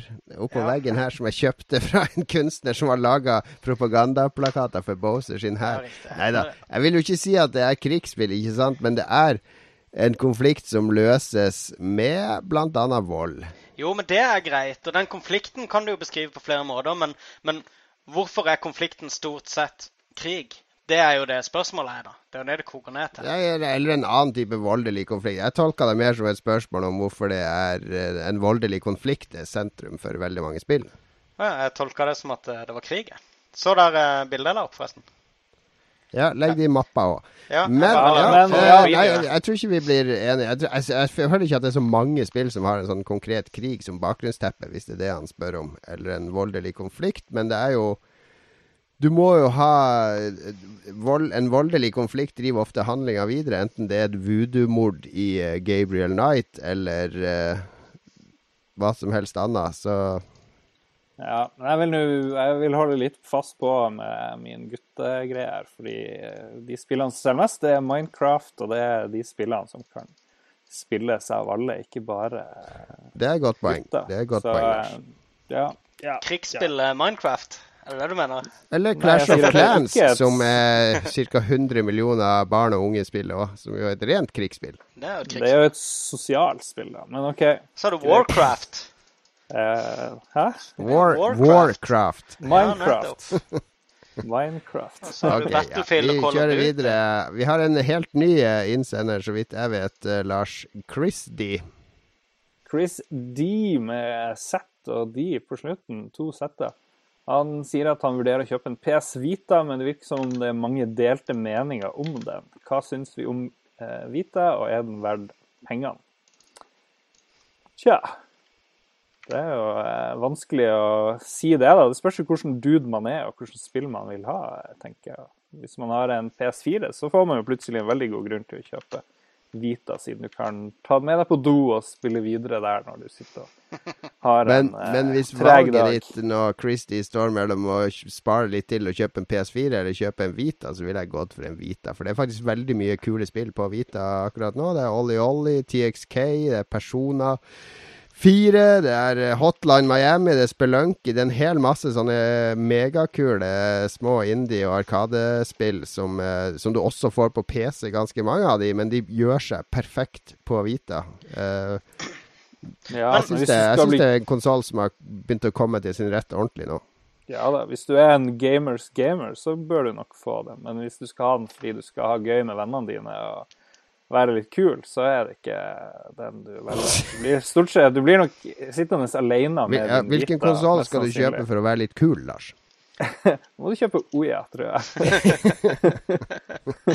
Men eh, eh, min issue med håndholdte konsoller er at jeg stort sett kjøper de, men jeg, jeg spiller håndholdt når jeg er ute av leiligheten. Jeg syns det er, føles helt rart å sitte foran den svære, smekre skjermen min med surround-anlegg og alt sånt der, og, og sitte og myse på en bitte liten skjerm mellom hendene. Så derfor så er det når jeg er ute og reiser, typisk at jeg bruker maskinen. Eh, det er nok litt forskjellig fra om folk har tilgang på egen TV osv., men jeg har ikke det, det der Det tror jeg er ganske annerledes for etablerte, fordi jeg vet mange som spiller på VU-en på den lille skjermen, mens eh, kona eller samboeren ser på TV. Ja. Og som også bruker Vita faktisk til å spille PS4 eller PS3-spill på. Ja, riktig. Men uh, jo, men da er det liksom en second Da kjøper du det som en second screen til en annen konsoll, da. Ja, men jeg syns det er digg å ligge i senga og spille Vita eller DS eh, en halvtime Men- før jeg skal sove. Det, Gjør du det er ofte? Kjempedigg. Gjør du det ofte når du ikke skal anmelde spillet? Ja, spesielt noen av de Vita-spillene som er sånn der eh, Sånn som TXK, det er sånn 20 minutter, tar det med en halvtime, kanskje. En Hvem er det som har lagd det igjen? Ja, da har jeg en omgang, og så eh, kan jeg det- snu meg i senga, sukke fornøyd og sovne. Er ikke det Jeffrey Minter? Ja, Jeg ville- jeg ville kjøpt en- han er en kjøpt- helt annen Jeff Minter.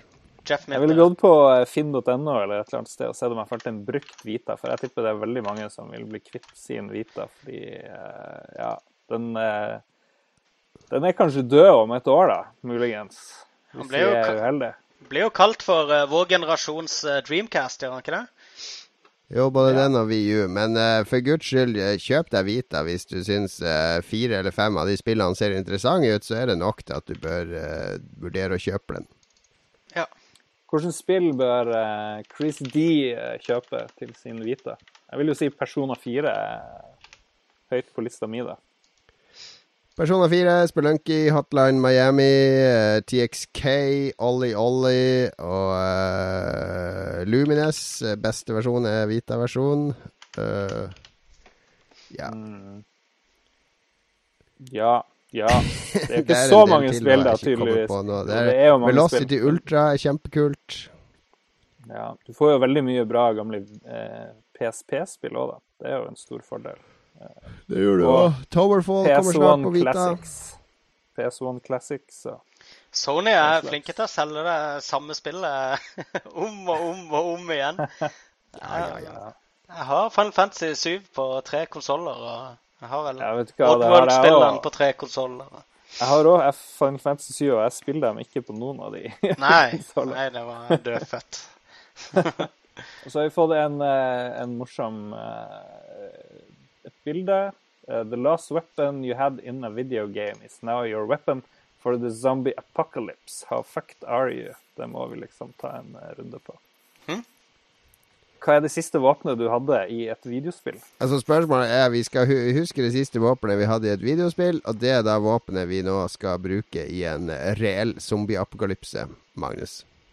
Siste våpenet jeg hadde Ja, Du spilte Plants vs. Zombies, og du hadde vel en solblomst eller noe sånt? Nei, det siste jeg spilte, var Battlefield 4. Og da hadde jeg en AK-12 eller noe. Så safe. Oh. Ja, Nei, men jeg kan ikke noe for at det siste spillet Nei, vent. Det siste spillet jeg spilte, var Thief. Thief? Uh, ja. Da har du den den der klubba der. ja. Er det buen? Eller den der hooken. Eh, ja, jeg er dårlig utstyrt for Men uh, jeg har i hvert fall utstyr til å klatre opp på taket der ingen zombier kan finne meg, så da er jeg safe. Du hørte det på Lolbua først. Magnus er dårlig utstyrt, som han sa sjøl. Uh, Lars, hva, hva var ditt siste våpen? Uh, jeg spilte Earth Defense Force eh, 2025, og da hadde jeg en EDF. sniperrifle. EDF. Sniperrifle og rakettkaster, men eh, ja, de var ganske heftige. Jeg vil gjerne ha den rakettkasteren mot zombier. Hvis den kan ta 20 meter lange maur, så er man godt skodd. Altså, mitt siste våpen i et spill, det er et gigantisk bastardsverd som jeg har brukt Titanite shards for å booste til pluss fem i Dark Souls 2. Så jeg, jeg, jeg holder meg til bastardsverdet mitt. All right. Da var det Magnus som eh, dør først. Nei, jeg overlever jo. Jeg klatrer bare opp et tak, så fuck Du må det. ned av det taket, og det er ikke mye mat på taket ditt. Altså, Nei, begge dere er avhengig av ammunisjon. Og... Mitt sverd varer så lenge jeg sliper det, så det er meg som kommer til å vinne og- denne zombieapokalypsen. OK, om du vinner. Jeg går med på det. Jeg skal, jo, jeg skal, greit, greit. Du skal få Det er forutsatt at du klarer å svinge det der sverdet i real life, Jon. Det spørs. begynner Man må ha strengt uh, 20 eller noe sånt, men det har jo jeg glatt, så det Vil du si det at du er en strength 20-person? Det burde ikke være noe problem. Har vi, vi har en til fra han uh, The André Dahl. Ja, tror vi at fremtida for konsollene har mye å si for hvordan salgstallene ser ut etter mars? Etter at Titanfall og Infamous har blitt slutta. Vil mars være avgjørende eh, for, eh, for Xbox One og PS4? er vel det han eh, Jeg tror spør om. ikke Infamous kommer til å generere noe som helst mersalg eller uh, konsollsalg for folk som aller, ikke aller, allerede er PlayStation-fans, men jeg tror Titanfall kan, kan gjøre det. Titanfall. Titanfall can gjøre det. Hallo av Titanfall. Titanfall. Eh, jeg er helt enig. Uh, altså, Sony hyper alltid Infamous-spilleren som uh, liksom konsolltittel nummer én. Eh, og så viser det seg alltid å være Og da med alltid som mener jeg to ganger, som er statistisk beviselig. Eh, det er veldig solid grunnlag for å si alltid, men eh, Ja, for, foreløpig foruten. Gran Turismo så er det liksom ikke noe sånn Sony-spill som er system sellers. Nei, det har jo vært uh, Uncharted og God of War var vel de siste. Grand, Ja, God nei, of War har jo Gears tapt seg veldig i det siste. Uncharted det er jeg enig i, det, det er for så vidt. Og Gears Last of Us er jo Nei, blitt sånn. eh, Metal Gear Solid mener jeg selvfølgelig. Ja, men det er ikke Sony-spill, det er jo Konami-spill. Ja, riktig, riktig, riktig. Ja, nei, det er, det er jo Grand Turismo. Ja, PS4 fucked. Dere hørte det her først. ja. Men du kommer eh, på en veldig morsom uttalelse av, eh, av eh, Titanfall, siden du sa titanfall, for du kan også si tittanfall. Nice. Da blir det jo eh, eh, litt puppehumor også. Ja, det trenger vi i Lollebua, vet du. Kun i er Lolbua. Hørte det her først. Stand spesial snart. Men jeg tror uansett at uh, fire måneder etter launch, etter internasjonal launch, så er det litt tidlig, eller tre måneder, så er det litt tidlig å begynne å snakke om uh, avgjørende faktorer for uh, konsollkrigen, altså. Uh, hvis vi ser på um, forrige generasjon, så skjedde det jo ikke noe særlig de første par årene i, i noe særlig knivinger. Det kommer til å gå i rykk og napp, avhengig av om de har eksklusive titler etter hvert. Men er, jeg tror det er litt tidlig å, å si om en tittel har Det er altfor eller tidlig å, å si. Og vi, det blir spennende å se på etere da, hva de legger frem på bordet. Men jeg frykter at det blir sånne eh, spill som kommer i 2016 og 2017. Kommer de til å dra frem i ren desperasjon for å få uh, masse hype og goodwill rundt og, og generere salg. Sånn som The Division, som kommer jo til neste år, som ble vist frem på etere i fjor. Altfor tidlig. Det stemmer. Ja, det var spørsmålene. Det var spørsmålene, og vi har kommet til uh, pausemusikk. Og i og med at vi jo har uh, eh,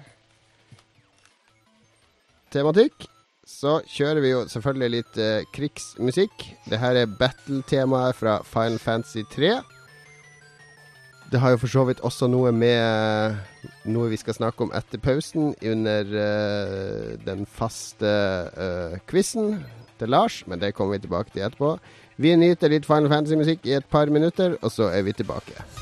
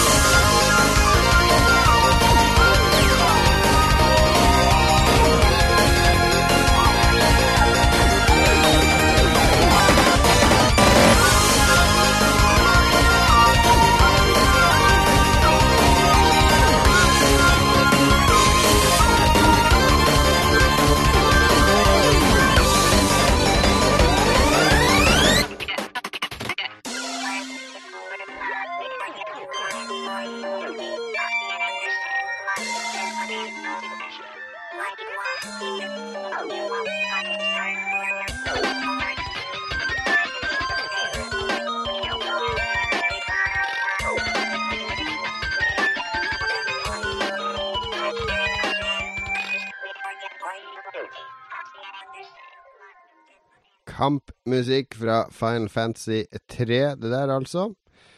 Det er jo eh, Jeg tenker Altså, kampmusikk i japanske rollespill Det har vært en, eh, et viktig soundtrack for meg opp gjennom livet. Og det er jo en del sånn fellesnevnere som går igjen der. Tempoet er ganske høyt. Det er sånn dunkende basslinje. Og det er jo låter du blir hørende hundrevis av ganger.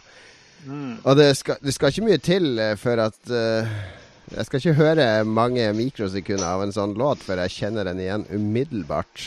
Hva sier du, Lars? Jo da, jeg ble jo veldig eh, sint når de forandra den der eh, reward-musikken i Final Fantasy-serien. Fra det der du, du, du, du, du, du, Du, du, du, du, du, du. du. Så når det gikk litt bort fra det en stund, så ble jeg litt forbanna. Fordi det var en del av min seiersgreie. Jeg fikk ikke endorfinrusen. hvis ikke Du fikk ikke det klappet på ryggen? Nei, jeg gjorde ikke det. Så jeg er litt med på deg der, altså.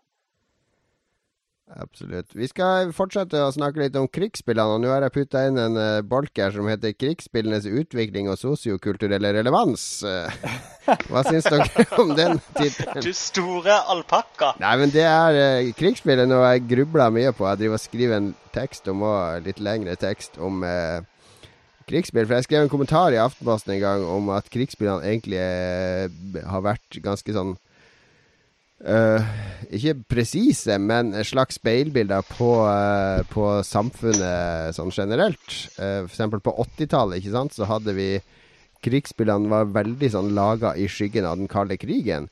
De var veldig bleke og direkte og ganske litt sånn fatalistiske. Jeg vet ikke om dere husker altså. Jeg var jo i 84, var jeg 12 år gammel. Og du vet, når du blir 11-12 år, det er da dødsangsten kommer for første gang hos mennesker. Det er da de skjønner at de en gang skal dø, og at det er noe som heter det å dø. At man en gang skal forsvinne eller opphøre å eksistere. Og når jeg opplevde det i 84, så lå jo det over meg, den der kalde krigen, og den tanken på at det satt to menn på hver sin side av kloden med en sånn rød knapp på skrivebordet. Og at hvis de trykte på den, så kom jeg til å dø. Altså Da kom alle jeg kjente til å dø. Da kom Det kom, det, det kom til å bli I dag så tenker mange ungdommer på Å, tenk hvor kult hvis det blir sånn zombie-apokalypse, for da skal jeg ta det våpenet, da skal jeg ta den, og da skal jeg overleve og bli en survivalist og alt mulig sånn. Men, men jeg husker den kalde krigen. Da tenkte vi bare at vi kom til å dø. Altså Det var ikke noe håp i det hele tatt. Og jeg tror mange, yeah. mange av krigsspillene på den tida, Raid over Moscow, og mange av strategispillene og sånn, Beachhead for eksempel, de hadde en sånn fatalisme i seg. At det her var en så uh, en, sånn altoppslukende konflikt. At, at de ble så bleke og, eh, og direkte, de spillene. De la ikke noe imellom. Det var ikke Humoren var i så fall så beksvart at det var ingenting formildende i de. Vi kan jo si litt om Raid over Moscow, siden du nevner det. Det var jo et veldig veldig populært spill, husker jeg, i min gjeng i hvert fall. Og da vi hadde det på Commodore 64, hvor det er eh, selvfølgelig Sovjetunionen som sender ut en gjeng missiler ut mot eh, USA. Og så blir det din oppgave å først, gjennom en slags serie minispill, egentlig, å Ja. redde dagen. Så du har Tre sånne minispill, hvis jeg husker rett. ja, du har en hel haug fly som du først må få ut av hangaren. Det er sånn mini-minispill, da.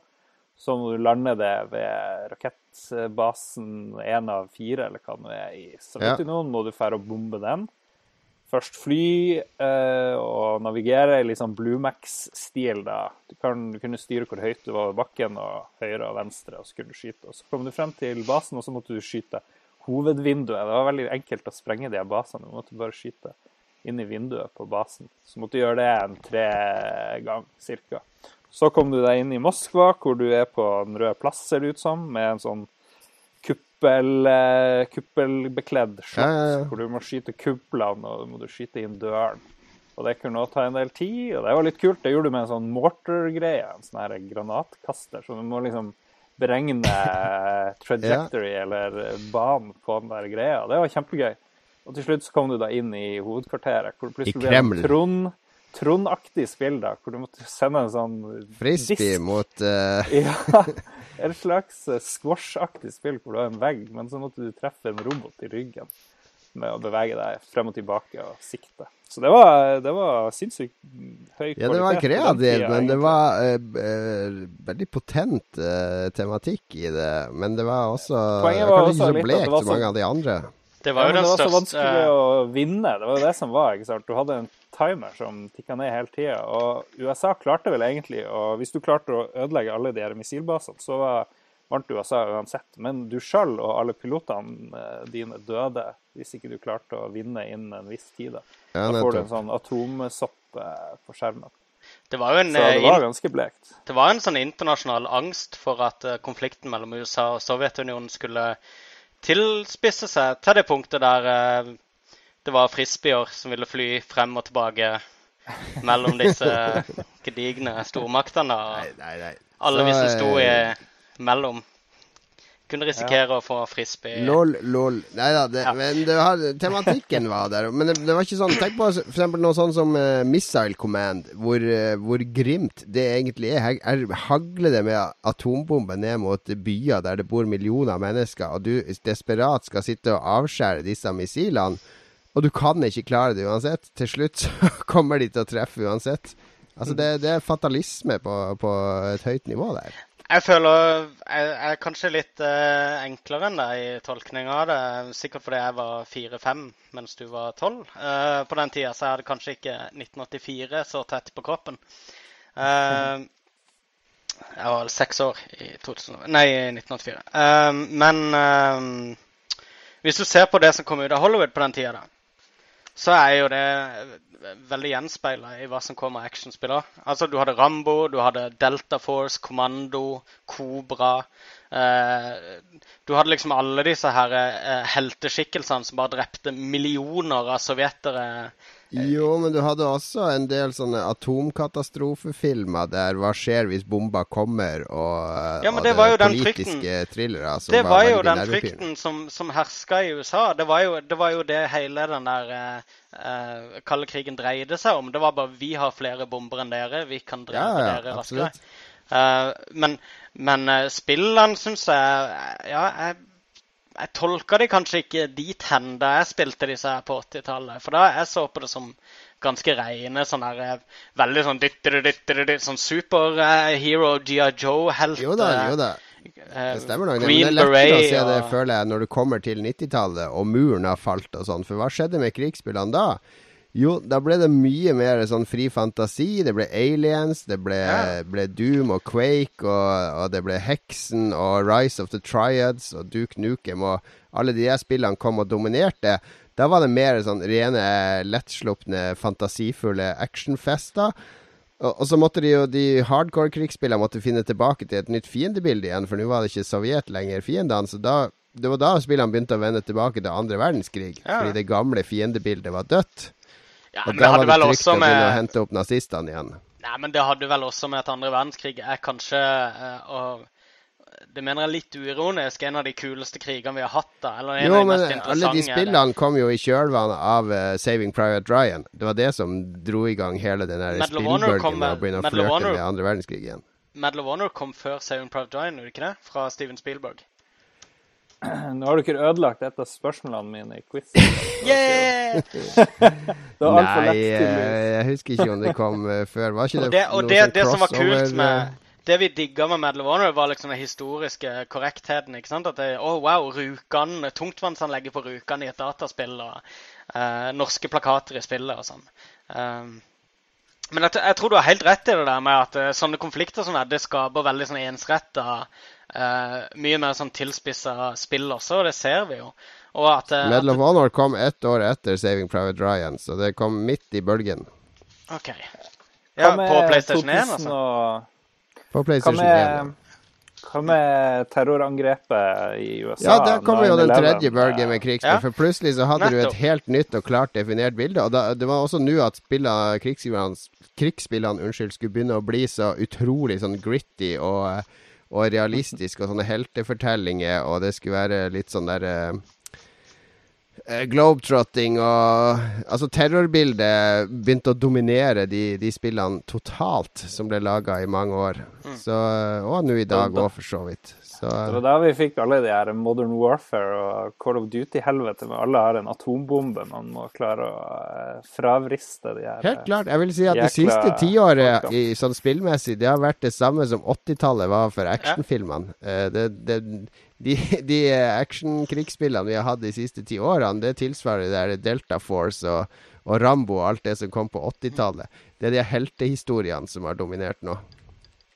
Ja, så det kan egentlig være ganske bra at uh, Russland tar den her Krimhalvøya og muligens For da Nei, det er jo ikke en det. ny tematikk i Det er jo ikke det. Hvis- du liker fantasy og science fiction og sånne ting, så er det jo ikke en bra ting om det blir en ny sånn her svær verdensomspennende konflikt. For det, da blir det mer realistiske ting igjen. Det, vi Ja, men vil det jo det er litt mer, Jeg vil ha det. Et av spillene jeg har spilt i forberedelse til det her, er et spill som heter Conflict Middle East. Ja, riktig. Eh, Det er fra 1990, hvor du spiller Israel. Um, Ja. Og året er 97, da. De har satt det inn i fremtida. Og statsministeren blir, eh, blir Alt ser ut som i Tron. drept, og du blir den nye statsministeren. Og det er stor spenning da i Midtøsten. Og det her var jo akkurat da muren falt på et vis, før kanskje den her happy-bølgen kom. Så det er jo et veldig gritty spill. Og da må du drive og det er mye diplomati, og du må forhandle, og du må fære å eh, destabilisere land og styre på. Og det som er veldig gøy, det er jo at spillet er abandonware, og du kan laste det ned til både PC og eh, Mac. Eh, Du kan dra til myabandonware.com og laste ned til PC. Og Og det er gråsonesider, da. Til, Mac. Er det gråsone? Ja, det men er ikke det. gråsone. Nei, men jeg har vært inne på, Abandonware eh, men jeg har vært inne på hjemmesida til han som lagde det, og han har gitt tillatelse til å Ok. Greit, greit, det greit. Det, handler om Du er i Israel, og jeg så litt Jeg har ikke spilt det, jeg så litt på Wikipedia-sida, og det står at du skal egentlig eh, erobre eller bekjempe nabolandene, da. Det virker jo som et veldig sånn krigersk eh, spill, egentlig.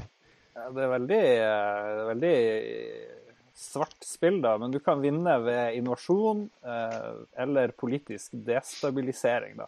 Så du trenger ikke gå og krige, men målet ditt er å gjøre de andre landene så svakt eh, som mulig, og at du kan kjøre på. Og En option hver måned det er The Palestinian Problem. Det er liksom en option. Hva gjør du med det, liksom? Eh, I løpet av den måneden. Hvor er spillet utvikla? Eh, det er vel England, tror jeg. Det var det Virgin som ga det ut. Så jeg tipper det Men hvorfor lages det ikke sånne spill nå lenger? Altså strategispill som tar for seg eh, konflikter. Kanskje ikke nåværende konflikter, men konflikter for 10 år siden, eller 15 år siden, eller 20 år siden. Er det så mye strategispill som ikke er sånne Moba-spill for tida? Det virker som alt er sånn der eh, Enten så er det på Romerrikets eh, tider Ja. i Rome Total War, eller så er det Europa Universalis og, og den epoken der. Det er liksom flere hundre år tilbake du må for å få uh, ordentlig strategispill. Ja, jeg tror òg du har noe rett i det. Nei, for det, og det var òg bra skrevet der spillet. Du får avisutklipp hver måned som du må lese. Tolke hvilke land som kanskje er på vei til å støtte deg eller ikke. Så må du for å kjøpe litt F-15-fly fra USA, eller du kan spionere og styre på. Det er ufattelig.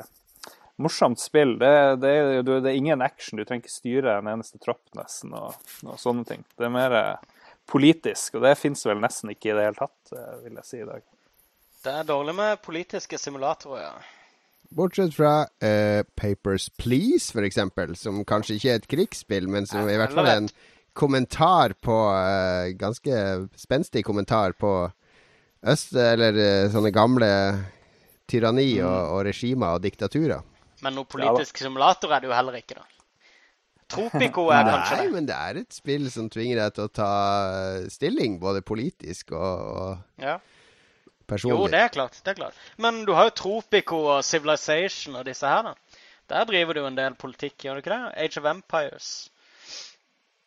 Ja, du har, men du har også sånne flashspill som er ganske potente. Det er et som heter Jeg husker ikke hva det heter. Det er et eller annet ordspill på 9-11, der du skal eh, Oppdraget ditt er å sende Du sitter i sånn dronefly, da.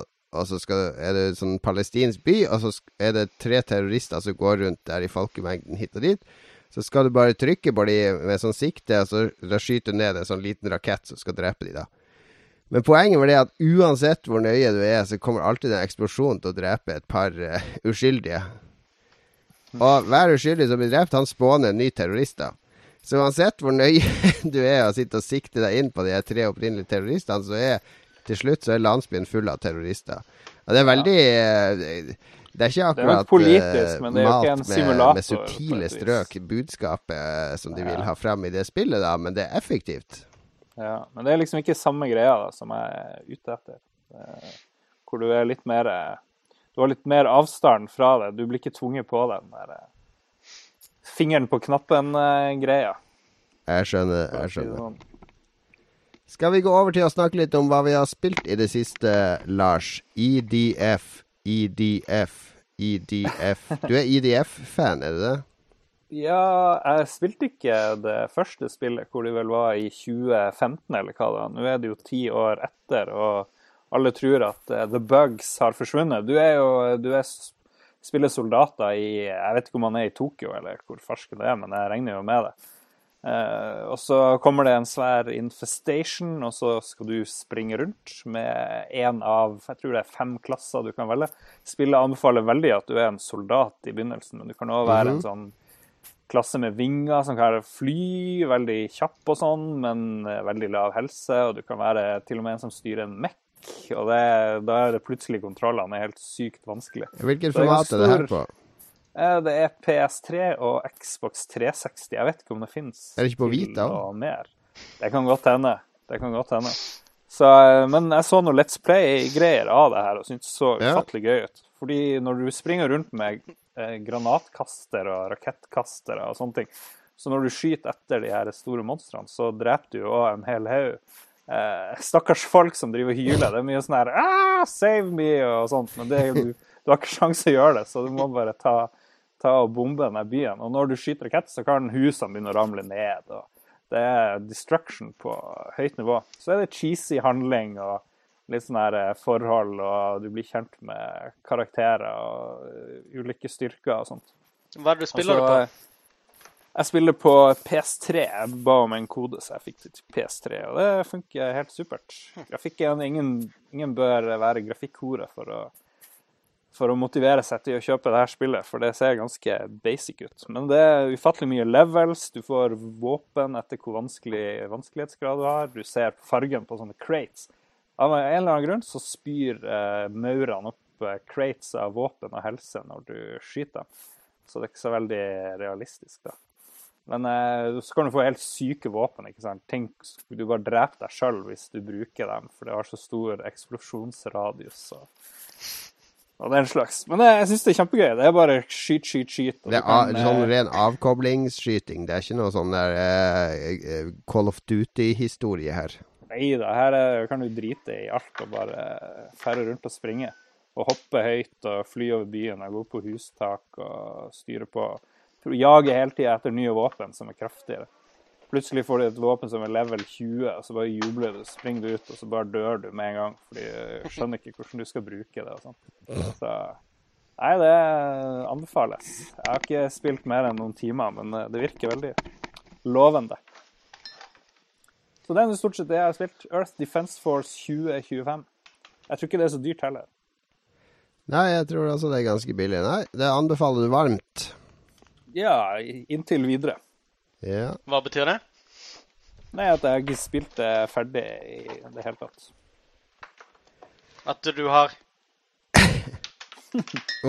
Hvis du har spilt det i tre timer og hatt det gøy, og det koster 15 euro, så er det vel bare å anbefale, er det ikke det? Ja, jeg anbefaler inntil videre, sier jeg. Det er jo plutselig så Ok, du anbefaler med forbehold og disclaimer. Ja. Det må jo være lov.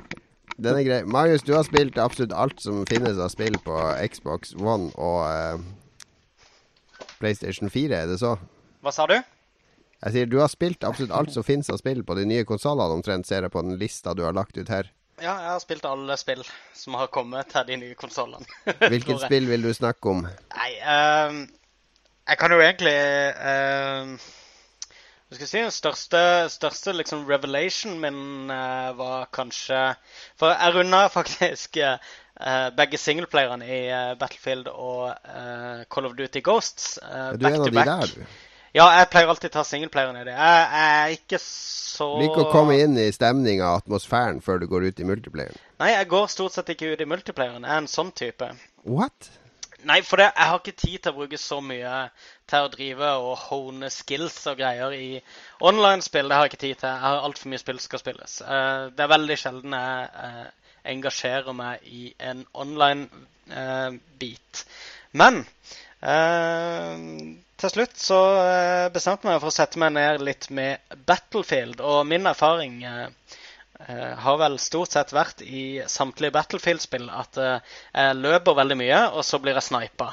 eh, av en eller annen som befant seg en kilometer Ja. unna, og jeg fikk aldri vite hva den, den, den ordentlige taktikken burde være. Eh, men i fireren nå så tenkte jeg fuck it. Nå prøver jeg meg litt igjen. Og bare biter tennene sammen og begynte med de der close quarters-kampene. Og gikk etter hvert ut. Når jeg mestra det greit, så gikk jeg ut i de litt større Battlefield-greiene. Og jeg storkoste meg, må jeg ærlig innrømme. Det var dritgøy. Så jeg tror kanskje at jeg kommer til å spille litt Battlefield fremover. Det er bra. Eh, Det er ja. bra multiplayer i Battlefield 4, altså. Ja, det var dritfett. Eh, jeg har jo spilt litt av det når vi har vært på sånne turer og sånn, og, og typisk testa expansions og sånn, men eh, ja. Fireren er knallbra.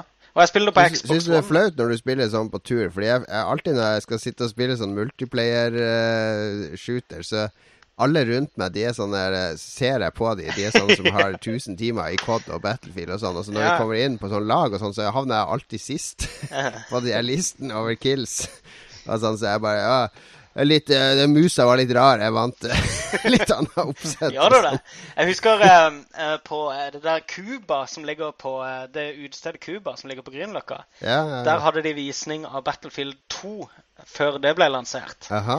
Um, og da husker jeg jeg satte meg ned og hadde drukket noen få øl der. Og så tenkte jeg ja, ok, skal jeg for en gangs skyld gå ned og spille litt? Og så satte jeg meg ned med PC-en der, og så gikk det bare sånn to minutter før det var sånn Hvem sitter på maskin nummer seks? Så så jeg opp på skjermen, så var, oi, det var meg. så, så bare gikk jeg litt sånn der sånn skremt vekk fra tastaturet, og så bare forlot jeg scenen for uh, uh, godt, basically. Eh, jeg er ikke så veldig skilled på som spill, men jeg har mye kompiser som spiller det. Og um, jeg tenkte at uh, nå som jeg ikke skriver så mye, og ikke får liksom så mye spill kasta etter meg lenger, så er kanskje tida inne å og, eh, kaste vekk noen timer i det universet. Kjør på, det er ikke det verste du kan velge. Nei. Jeg har spilt eh, Jeg fikk eh, På fredag så måtte jeg dra ned eh, Jeg var ute og skulle filme noen innslag for eh, Level Up. Og så fikk jeg en telefon fra et bud som sto på døra mi med Dark Souls 2. Og så sier jeg til han eh, Kan du ikke bare, legge, kan du bare, bare signere, og så legger du det i postkassen? Nei, det kan jeg ikke gjøre, sier han. du må signere! Sier, ja, men du signerer bare, så legger du det inn i boden der. Det er en sånn bod der du kan legge det. Nei! Du må signere! Altså bare, jo, men alle andre bud kan gjøre det. Kan ikke du være så snill å gjøre det, for jeg er i Nydalen nå. Nei! Jeg må ha signatur! Ellers så blir det tilbake til lager. Og så, og så klarte jeg å få han overtale han til å møte meg på en bensinstasjon tre timer seinere. Legg det i den hule eika. for han å gjøre det enn å signere og legge den i postkassen. Men jeg fikk i hvert fall Dark Souls 2 og sånn. og Jeg dro hjem og eh, fikk ungene i seng. Og, så, og siden så har jeg egentlig spilt eh, Dark Souls 2. Så du fikk ungene i seng klokka fem på ettermiddagen? Ja, jeg ga, la noe valium i burgeren deres. Yes, så- da er det natta! Da er det natta! Nei da, jeg spilte, det- spilte det til langt på natt eh, på lørdag. Og det ble, det ble såpass intenst at de siste to nettene så har jeg drømt Dark Souls 2. Og det er sjelden jeg drømmer om spillet jeg spiller, men jeg har sittet og gått rundt i eh, noe som heter Forest of Fallen Giants, og, og, et, eh, og en diger borg. Og som i alle de spillene, ikke sant, så går det på kryss og tvers som en labyrint. Og du går på steder der du kan se hvor du var før, og du kommer under og over, og alt henger sammen i en gigantisk modell. Så jeg har ligget i drømmer, liksom, og flydd rundt i det der kartet og sett steder. Hm, der er det jo noe, hvordan kommer jeg dit, og burde ikke det være noe der? Og lagt taktikk. Jeg har bare tatt én av de her uh, hoved... eh, eller en av sånne skikkelig bosser foreløpig Og det var så nervepirrende at jeg holdt på å tisse i buksa. Jeg klarte den på fjerde forsøk når jeg endelig fant en taktikk som virka, og da var jeg så stolt av meg sjøl at jeg holdt på å begynne å grine. Men nå nå sitter jeg ganske stuck på en annen boss her. Jeg har rota litt til med noe skill eh, assignment og litt sånne ting. Jeg tror jeg har funnet en taktikk, og jeg skulle egentlig prøve å ta den i kveld, men så kom jeg på at det var lolbua, så jeg tror ikke jeg orker senere i natt. Men i morgen så skal jeg skvise inn et par timer for å prøve å få tatt den. Men det er eh, eh, Jeg vet ikke om det er noe embargo eller noe sånt på det, jeg har ikke fått noen beskjed om det. Men jeg ser at det er noen anmeldelser ute i Tyskland og sånn allerede, så Men det er, det er Dark Souls opp av dage, og det Det er ikke noe lettere enn det var før. Hva er de største forskjellene? Hva er det de har forbedra? Det er en del forskjeller. Eh, Det ene er eh, Før så var det liksom ikke noe stress å daue. Fordi du var som regel hollow eh, 95% altså død 95% av tida uansett, og da mister du hva det var 10 eller 15% av hitpointsen din. Ja. Og det, det var ikke noe sånn Det svei ikke så veldig mye, egentlig. Og så slapp du å bli invadert òg når du var hollow av andre spillere. Så, så du var egentlig det hele tida, for da var det mest rolig å utforske og sånn. Men greia nå er at hver gang du dør, så mister du litt mer og litt mer hitpoints. Helt til du er nede på 50% av, av eh, full hitpoints. Og det merker du ganske hardt, for da går du plutselig fra å, å kunne tåle tre slag fra en fiende til å tåle ett og et halvt slag. Eller i noen tilfeller bare ett slag fra en fiende før du død. Så at når, det, når jeg kommer ned på 50% så, så må du nesten bli eh, human. Da venter jeg til et tidspunkt der jeg vet hvor jeg skal, og at det er relativt trygt, og at en del, da får jeg en del ekstra drops, fordi når du er human, så får du bedre drops. Og så gjør jeg meg human igjen, og så holder jeg på det så lenge jeg kan, helt til jeg blir brutalt drept av enten at jeg driter meg ut, eller at jeg overså noe, eller at jeg møter en boss. Og så begynner den der sakte, men sikte, sikkert den der turen nedover mot 50% igjen. Og det svir skikkelig, og mye mer å dø når du vet at du mister litt mer hitpoints for hver gang du dør. Før så var det sånn, det var helt greit å dø, fordi jeg endte, var bare som å nullstille, ikke sant. Så, så det svir mye mer. Men eh, det er en del andre ting. Du kan ha med deg fakler nå og tenne lys rundt omkring. De faklene gjør en veldig stor forskjell på mørke steder. De lyser skikkelig opp. Eh, ganske tilfredsstillende òg, altså tenne fyr på alle de her stasjonære fakkelpunktene rundt omkring, for da får du en sånn veldig fin visuell indikator på hvor du har vært, og hva du har løst, og hva du har mestra. Og så er det ikke sånn at fiendene respawner uendelig lenger. De respawner et visst antall gang. Så for eksempel en, en sånn dal som jeg var ganske stuck i, som jeg daua i ti ganger, så plutselig så slutta var halvparten av fiendene borte når jeg gikk gjennom der neste gang. Fordi jeg hadde tatt de så mange ganger at nå slutta de å respawne.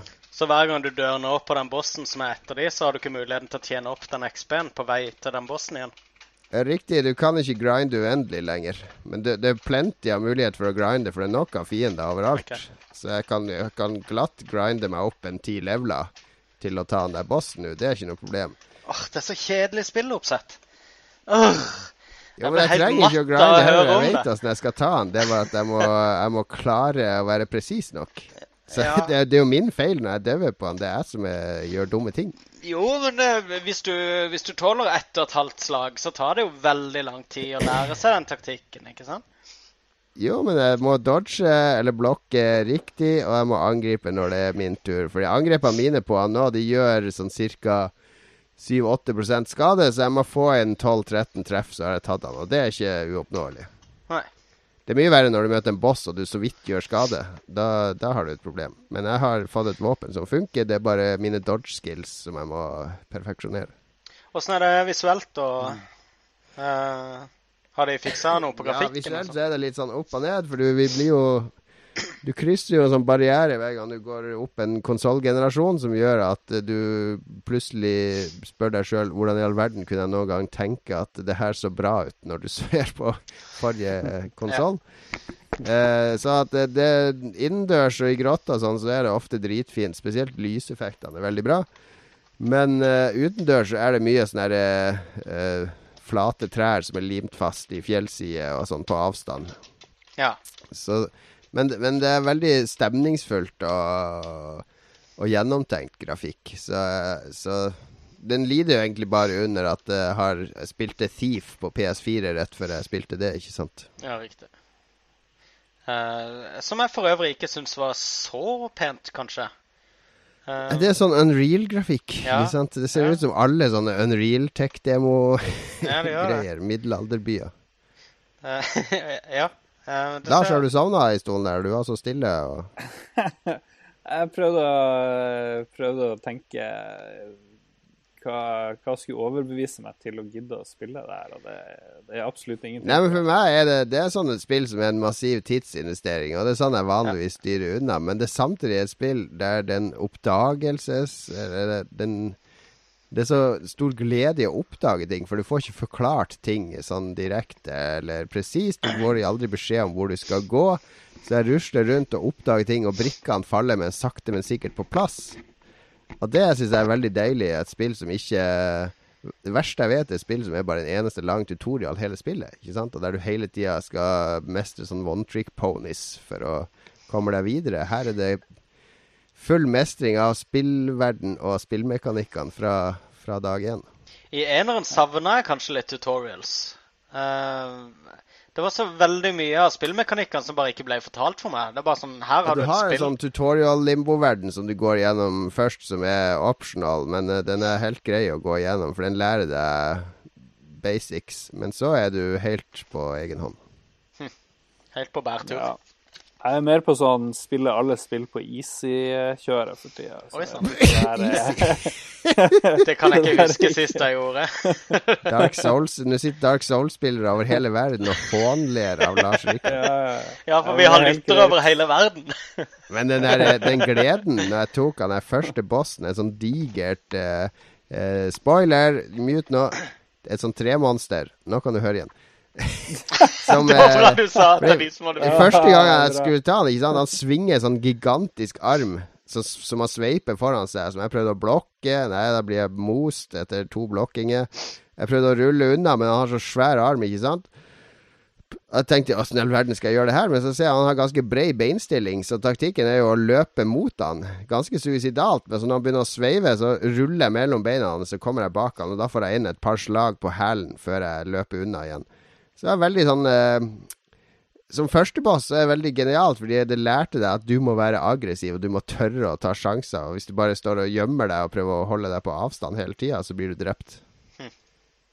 Ja, det er mye å lære der. Eh, Jeg, jeg, jeg tror nok Jeg, jeg venta jo helt til eh, for en måned siden med å spille det forrige. Så jeg, jeg venta kanskje i overkant litt mye. Det, det var litt utdatert da jeg spilte det, følte jeg. Men, Ja, det holder seg godt. men det er et spill jeg nok kommer til å sette i gang med idet jeg ikke har noen spillprosjekter. Jeg ser for meg det er en sånn tittel, og bare se om dette er noe jeg kan drive med i en måneds tid. Det er jo det. Det sure med det jeg spiller nå, er jo at det er på debug, ikke sant? Så jeg vet jo at Ja. jeg får en promo til helga, og da må jeg begynne på nytt. Yes. Så jeg ser jo på denne spillinga som som testrun, fordi nå vet jeg akkurat hva jeg skal gjøre med den nye karakteren min. Hva jeg skal velge av uh, skills og levels og sånn fra starten av. For å, for å klare meg bedre. Så det, jeg, jeg prøver bare å komme meg så langt som mulig i denne versjonen før jeg skal begynne på ordentlig.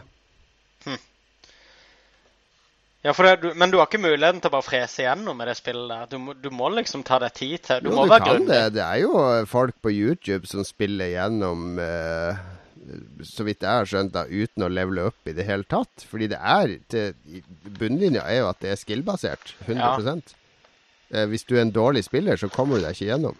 Ja, riktig. Jeg, så, jeg hører jo på den der 84 Play-podkasten. En gjeng i Japan. De spilte igjen å spille i trusa, husker jeg de fortalte. Det har de drevet og streama. Ja, du kan gjøre det uten rustning eller noe. Det er bare at du er dyktig nok. Og det Jeg tror jeg, har- er- jeg har vel spilt de siste 50 spillene mine i trusa, så jeg, jeg skjønner ikke helt, eh, skjønner ikke helt fascinasjonen der. Ja, OK, da. Karakteren deres, for de som misforstår. Ingen som spiller MMO-er med, med bukser på. Det var det jeg Ja, skjønte. nei, men eh, så langt er jeg superfornøyd. Jeg var redd for at de skulle ha gjort for mye rart med det, sånn at det ikke var Dark Souls lenger, men det er utrolig tro mot kildematerialet, og det har uh, Føler jeg har fått litt sånn uh, nye elementer. Det som har blitt lettere, er liksom inventory management og, og utstyr og oppgraderinger og sånne ting som var litt sånn uryddig før, men uh, Innfrir etter ti timer. Du må slutte å sitte oppe på sånn Oscar-drit, Lars. høy gjesping litt- mens Jon Cato snakker. Det er så Nå har jeg, nå har jeg allerede lansert ideen for flere i Oslo her at vi skal eh, eh, på neste TG, ikke i år, men neste år, så skal vi sette verdensrekord i verdens lengste podkast. Ja, det, det er lett. Så lenge vi slipper å snakke om uh, Dark Souls, så går det helt fint. Skal vi gjøre det på TG, er det det du sier, Jon Cato? TG neste år. Skal vi ta Da verdensrekord? kjører vi live fra TG så mange døgn som vi klarer. Hva er rekorden, da? Nei, hva er rekorden for verdens lengste podkast? Det kan ikke være så lenge. Det er jo bare nerder som driver med det her, og de klarer ikke å holde seg våken. Det er jo de som kan holde seg våken. Så da er det bare Da må alle tre legge seg i hardtrening nå, da. Sånn at vi er i toppform alle sammen, da. Okay. Hallo? Eddie Winters har rekorden på 25 timer. Det er jo ingenting. Nei, det klarer vi jo lett. Men Hvor lenge, eh, lenge var det her intervjuet til han der eh, fyren på Det var 24 timer. Så det, det var ganske imponerende. Ja. De hadde lov å ta pauser og greier, husker jeg. Ja, de hadde det. jeg så på den der eh, når de tok sånn verdensrekord i Gran Turismo-spilling, de nordiske filmfolka. Så, så hadde de senger der så folk kunne gå og legge seg underveis, og de drev og avløste hverandre. og... Ja, det er juks. Det skal ikke vi ha. Vi er hardcore. Så, ja, OK. Kutt og kjedelig det blir å følge med på oss. Men 25 timer, det kan vi slå. Det kan vi lett slå. Det slår vi lett. Jeg blir delirisk etter tolv, så da er det, da er det garanterer jeg underholdningsverdi. Det blir nok bra. Det blir nok bra. Lars, nå må du faktisk våkne, for nå er det din uh... Nei, vi har en uh... skal, vi, vi, skal vi hoppe over det siste krigsspilltemaet? Ja, Ja. vi kan godt gjøre det. Vi Vi har egentlig vi har, vi har diskutert krigsspillernes fremtid. Vi har det. Vi har, det. Vi har Ja. konkludert med at de har en uh, lys framtid. Avhengig av hvordan verdenssituasjonen verdens situasjon Ja, ja. Vi kjører direkte på Lars sin spalte, der han har en gedigen overraskelse til alle lytterne. Quizman. Quizmasteren. Yeah, dude. Oh yeah, dude. Yeah, dude. Skal vi, Yes. se, skal vi ta den store overraskelsen før eller etter vi har tatt quizen? Kanskje vi tar det etterpå. Ja, vi, vi må holde på lytterne Vi- våre så lenge vi kan. i Hold fall. på spenninga så lenge vi kan. Våre åtte, se, så ser vi om vi har noe frafall på våre åtte viewers i løpet av quizen. Nei, nei, vi har 80 når det er ferdig. Er det syv fyrer vi allerede. eh, Da fyrer vi opp Da fyrer vi opp faceren her, så jeg kan få inn svarene. Yes. Og så kjører vi gjennom det som kanskje er den siste utgaven av quiz. All right. Da blir det høy prestisje å vinne den siste Ever. quizen. Det blir det. Det blir eh, regjerende mester uh, enn så lenge. Skal vi se her Det kan bli eh, exciting. Skal- Hører jeg mye rare lyder. Det er koselig. Magnus som sitter og gjør klar eh, Bing på Xbox One sin, som han skal jukse med. Nei, ikke i det hele tatt. Hva var det du sa spørsmålet var, Lars? Bing! uh, music for uh... Du ser jeg trykker på mute-knappen og uttaler akkurat de der. Ja, skal vi se. Vi kjører bare på spørsmål én, gutta boys. Er dere klare? Yes. Yes. Ehm, eh, vi begynner litt soft her. Ble det laga, og det er selvfølgelig krigsspesial, ble det laga offisielt dataspill av filmen War Games? Ble det laga spill av filmen War Games? Da har vi svar fra begge. Og hva dere sier for noe? Dere svarer det samme. Ja. Ja. De sier ja. Er det noen som har spilt det? Nei. Nei. Men jeg har sett Ja. Det kom i hvert fall til Colco eh, Vision, var det det het? Colecovic. Coleco. Coleco, ja. Aldri eller Colco, som det heter det. i Harstad. Ja, jeg har Coleco. aldri, jeg har aldri sett en sånn maskin. Men det så litt kult ut. Jeg så en Let's Play eh, av den. Spørsmål nummer to. Hvem regnes som Ja, det var det, ja. Hvem regnes som skaperne av det første Medal of Honor-spillet? Og det har dere egentlig svart på. Steffen. Så det hopper vi glatt over. Det var han Steffen, ja. Steffen Spilleberg. Spjelberg. Yes. Eh, da spør jeg heller Hva heter de to som står bak Titanfall og tidligere f.eks. Modern Warfare 2? Her regner jeg med dere kan, altså. Uh, uh, uh, uh, uh. Da har vi ett svar fra Jon. Og vi har fra Nei, jeg husker ikke nummer to. Magnus. OK, vi sier det ett poeng for hver hva dere husker. Hva du sier Magnus? Hvem Eh, lagde Vincent Pella. Ja. Og ja, Jon sier sier andre husker jeg ikke. Greg, kanskje. Jeg husker ikke. Det er mye lettere å huske de som har sett de navnene. Det er liksom sånn navn du merker deg. Det er et eh, godt tips til alle som har planer om å skifte etternavn. Det er Bruk, Ja. bruk setter. Det er av en eller annen grunn lett å huske. Det er altså Jason West Ah, og Vince Sampella som dere husker. Ja. Da er det 2-2, og fremdeles eh, helt åpen hvem som vinner. Kanskje siste quiz med quizmaster. Nytt spørsmål. Hvor regner man med at krigsspillet sjakk oppstår? Oi! Oh. Overraskelsesspørsmål. krigsspillet sjakk. Fuck off. Jeg må jo, må jo late som at det er et krigsspill. Det er jo det òg, er det ikke det? Eh, hva ble det kalt eh, da det først ble skapt, dette spillet her? Har du Le Sjakk, var det ikke? Ja, le Le sjakk. Um, Ja, ja. mm, Her er det bare å, eh, her er det bare å gjette noe vilt. Jeg må jeg bare tenke her. Jon har svart. Vi har et svar fra Jon. Ja, gi meg et par sekunder her. OK, vi gjør det. Ett sekund. To sekund. Der må du jeg vet at ikke det er det. Og skal du svare, Magnus? Jeg svarer Hellas, men det er ikke det. Nei, det er ikke det. Nei. Jon, hva du svarer? Jeg svarte Midtøsten. Det må være Eh, Det, det er faktisk India, regner Ja. med. Ja. Og er det i Midtøsten? Nei. Vi sier at det ikke er det. Nei, ærlig talt. Nei. Sør er nærmest, da. Det er, hvis, det, hvis det er terrorister, Ja, er så det så er det Midtøsten. Og det, ja. Skal vi se Glem det. Um, så tar vi et litt hardcore-spill. Det ultimate krigsspillet må jo være God of War. Jeg kan ikke skjønne noe annet. Det er jo ikke et vi God of krigsspill. War. Det sier- står jo i spillet. Det er jo et plattformspill. Nei, det Nei, er det er- beat, hack and slash. Ja. Da har du misforstått. Ja. Kratos må i God of War 2 reise tilbake i tid.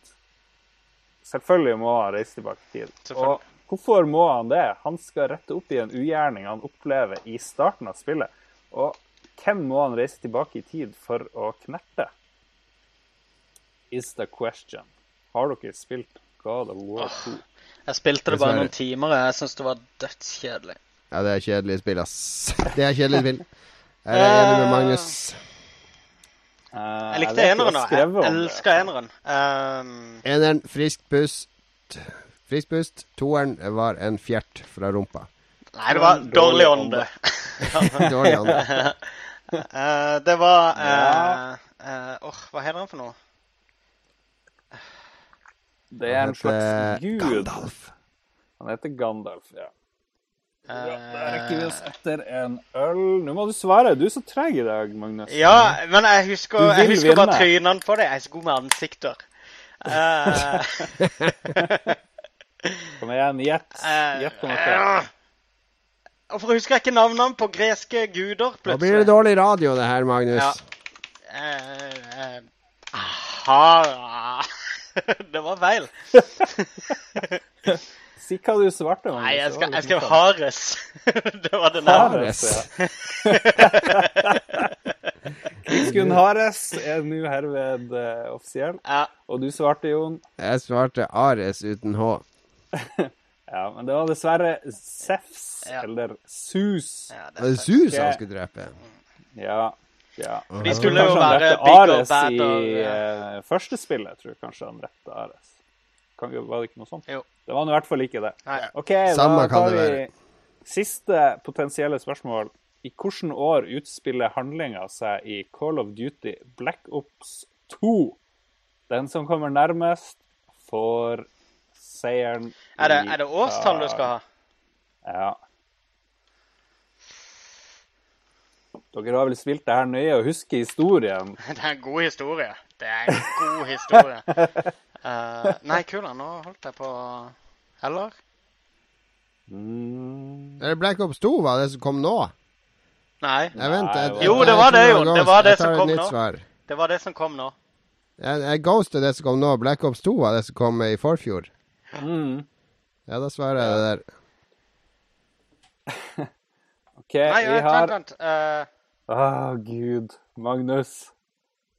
Kom nå. Uh... sånn. OK, Magnus svarer. Hva 75. du sier. Og Jon, du svarer. 2025. Og vi har en vinner som traff på kornet, og det var ikke Magnus. Gratulerer, Jon. Du er Ja, Hva var det han sa? 2075, er det riktig? Nei, 1975. Jeg tenkte på det der andre, det der eh, Hva var det? Black? Ops 2? Nei, Jeg sa at du fikk rett, Jon. du hadde rett, Jon. Du hadde Ja. rett.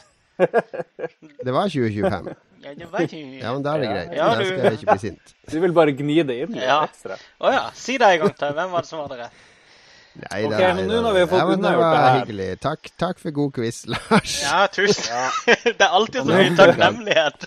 Det, Og nå tror jeg vi er litt lei quiz alle sammen. nei, kanskje det er vi ikke. Ja, det er kanskje greit å bytte ut med noe nytt, men hva skal vi gjøre i stedet Ja. for quiz da, Lars? Vi skal ha en eh, litt morsom konkurranse, for jeg vet jo at Jon, du er jo en dreven musikkskaper eh, i din ungdom. Og egentlig burde vi hatt et bevis på det akkurat nå. Det vet jeg ikke om du klarer å trylle frem på eh, kort varsel. Men du skal i hvert fall få lov å vise det i neste sending, for da skal vi alle sammen eh, lage en eller annen eh, musikk. Og i en eller annen sjanger. Det skal være spillmusikk, da. Vi vet jo det finnes veldig mye forskjellig eh, musikk. I uh, bilspill så er det kanskje én type. Da er det gjerne litt sånn rock og litt sånn rød. Eller man kan tenke outrun, eksempel. Og uh, ja I Mario-spill så er det én type musikk. Mario-musikk. Ja, og i japansk rollespill så er det gjerne en type musikk. Og så videre. Og i de her dude bro-shooterne, sånn Call of Duty og eh, Gears of War og sånn, så er det også veldig sånn dramatisk og heavy musikk. Så eh, ja, det er mye å ta av. Så jeg tenker vi skal kjøre noen runder hvor vi alle sammen skal, uansett skill level, prøve å lage den kuleste musikken. Skal vi ikke Så skal du gå på rundgang, da, og dømme det her. Så vi skal Og, lage eh, musikk med temaer som vi bestemmer hver gang. Eh, Ja. ja. Skal vi ikke, skal vi ikke være litt uh, dynamiske her og si at uh, temaet bestemmes ut ifra uh, hva vi har snakket om, og at vi oppsummerer at Det er ikke dumt, det er ikke Oppsummerer podkasten med en spillsjanger. Jeg føler jo vi er i nærheten nå av f.eks. et krigsspill med zombier. Ja, det er bare krigsspillet Holly og Ja, men tematikk. vi har med er jo- zombier. Vi må jo ha noen litt uh, spesifikke Eller skal vi bare Ja, med zombier ja, ja, Jeg vet ikke. Det er det samme for meg. da. Da blir det jo mer sånn skummelt og kanskje litt forsiktig. Ja, det er opp til deg å tolke. Ja, Men jeg har skrevet i planen her at det er du som bestemmer, Magnus. Ja, nå. det. Så det er bare å bestemme i vei. Ja, eh, Bestemmer i vei. Eh, jeg føler vi må ha en twist på det. Jeg kan ikke bare si 'lav musikk til et krigsspill'. Men det er opp til deg. ja. Det er opp til deg. Ja, jeg bare tenker høyt, jeg. Eh, Mm. eh, den øverste, øverste eh, lederen i, pod i podkasten her, som tydeligvis er meg, befaler at vi skal ta for oss et krigsspill med, med innslag av zombier. Så da har, vi, da har vi både moderne krigføring, men hvor også zombier er et faremoment. Ja, Spennende. Og reglene er jo sånn da at vi kan gjøre det her på hvilken måte vi vil. Vi kan bruke hvilket program. Og det kan være så enkelt man vil. Det er jo liksom alt etter skill-nivå.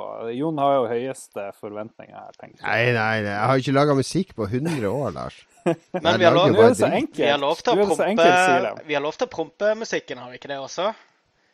Prompe musikken? Ja. ja, jeg vet ikke. Det Vi Har får du lov å se. outsource til uh, Odesk og sånt? Jeg gir 10 000 spenn til Moby for å lage låta for meg. 10 000, da får du to sekunder med Det, musikk. det er det jeg trenger for å slå dere.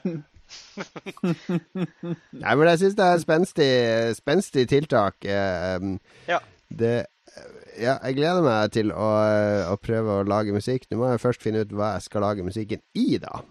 Det, Ja, vi kan jo ikke lage så kjempelang. Skal vi ha en slags treminutters maks? Vi kan ikke Nei, ett minutt holder massevis. Herregud. Maks Du, skal vi gidde å høre ti minutter med driten vi har laga? minutt. Et halvt minutt så har vi representert det også. Ja, maks ett minutt, kan vi si. Ja. Så har du. Nå holder deg innafor.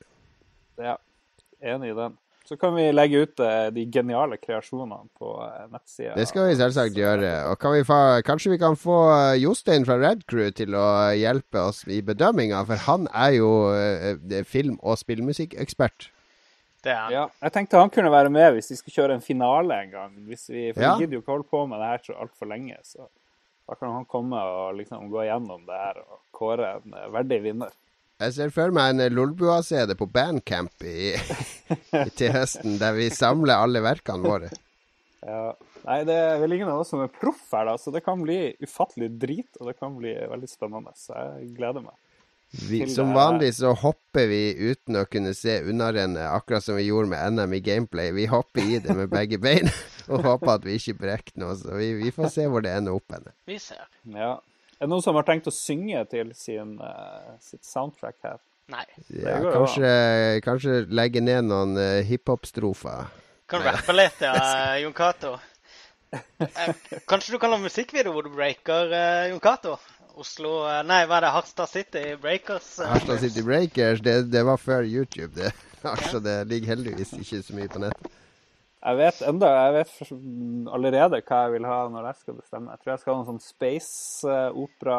Ja, men vi må ta utgangspunkt i podkasten, da. Vi må ta utgangspunkt i hva vi har snakka om, må vi ikke det? Men Nei, det, det kan bli et problem neste uke. Fordi neste uke bestemme. tenkte jeg, gutta, i og med at eh, det er 8. mars til helga, så må, bør vi jo ha en eh, kvinnespesial. Ja. Kanskje til og med få en kvinnelig gjest. Og kunne snakke litt om eh, kvinners plass i, i spillbransjen og uh, heltinne og litt sånne ting. Er ikke det passende? Jo. Jeg vedder på at det er ingen andre podkaster som har tenkt på det samme. Nei, helt sikkert ikke. Så det vil si at det, det er ingen Og Radcrew, hvis dere uh, kommer med en sånn podkast neste uke, så det, da vet vi hvor dere fikk ideen. Men de hørte trenger det her ikke ta først. sånne De trenger ikke gjøre sånne krampaktige greier. De har jo kvinner i staben, så det Det har de jo, det har de. Ja. De gjør det hver dag. Vi gjør det. Nå- Hører vi avslutningssangen vår her i dag. Det er Rob Hubbard som har laga musikk til spillet Nemesis The Warlock. Spilte du noen gang det, eh, Lars? Jeg er usikker. Det er en eh, Det var jo det er krigstematikk eh, blanda med mørk fantasy, eh, sci-fi. Eh, Nemesis gikk jo rundt og slakta for fotet, og det gjorde vi i spillet her òg. Du, kan, kan vi aller det har vært en, uh, en krigersk sending. Det ble bra tema, føler jeg. Vi fikk en del gode samtaler ut av det. kan vi, eh, før vi avslutter her, kan vi eh, minne om at vi har en spillquiz i morgen på Tilt? Ja, til de åtte som ser på, vi har en spillquiz i morgen på Ja. Tilt. De som eventuelt hører på det her tirsdag formiddag når vi har lagt det ut på nett, de løp ned på Tilt om noen timer. Vi er der fra klokka seks med at Magnus quizen starter syv. Ja. Riktig. Det Dette alt. var det. Det var alt.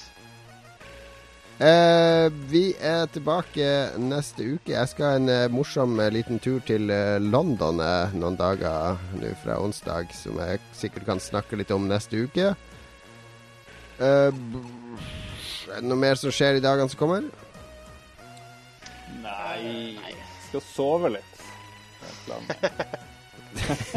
OK. Ja, jeg regner med du skal sove litt. Ja, det Spesielt etter det Jeg har hørt så mye om Dark Souls nå. Jeg tror jeg går i koma. Du ja. Det var jo en, eh, en norsk eksklusiv. Det er ingen andre i Norge som har spilt så mye Dark Souls som meg, så det er eh, nok en eksklusiv for, eh, for Lolbua. Og de åtte Ja. lytterne våre.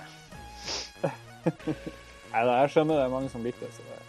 Det er mange som liker det. Bra. Nei, vi, eh, vi hadde en, eh, en lang og fin sending nok en gang. Takk til alle som har fulgt oss live, og takk til alle som hører på oss på iTunes eller laster oss ned fra lolbua.no. Vi setter veldig pris på det. Takk til alle som har sendt inn spørsmål. Og veldig mange gode spørsmål i dag òg, syns jeg. Mhm. Holder en uh, jevnt over høy kvalitet. Absolutt, absolutt. Eh, dere kan følge oss på Twitter at Lolbua. Det er uh, podkasten at Magnus Tellefsen. Det er uh, Magnus at Lars R. Olsen. Det er Lars. Og at Fleksnes, det er meg. Og forresten, gutta, la dere merke til at jeg blanda ikke navnene deres én eneste gang i dag. Ja, Ikke én gang har jeg blanda Magnus og Lars i dag. Hæ? Det er bra.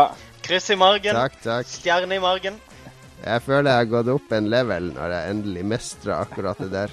Jeg har sittet og pugga, sett på, hatt bilder av dere på mobilen, og så har jeg bladd sånn, laga en sånn quiz, da. Der bildet kommer opp, og så skal jeg fortest mulig si Magnus eller Lars. og så registrerer han om jeg sier rett navn. Nei, du- du har fått Thomas til å stå og holde holde har, uh, Du får Thomas til å sitte og holde opp kort for deg. Så, Hardtrener. Magnus! Lars! Magnus! Yes. Nei, men uh, vi takker for i dag. Takker for følget. Følg oss neste uke. Da har vi Kvinnespesial i anledning Er det litt sånn. Og vi kommer selvfølgelig til å snakke mye om en del spill som har kommet, som vi sikkert har fått tak i innen da. Sånn som for eksempel eh, Tittanfall, som, som vi allerede har nevnt her. Vi får kritikk for å ha kvinnespesialer, så det, jeg er klar for det. Vi kan ha et tittanfall spesial. Og med Tittanfall så takker vi for i dag. Ha en fin uke, alle sammen. Takk for nå. Ha det. Ha det bra. Kos deg.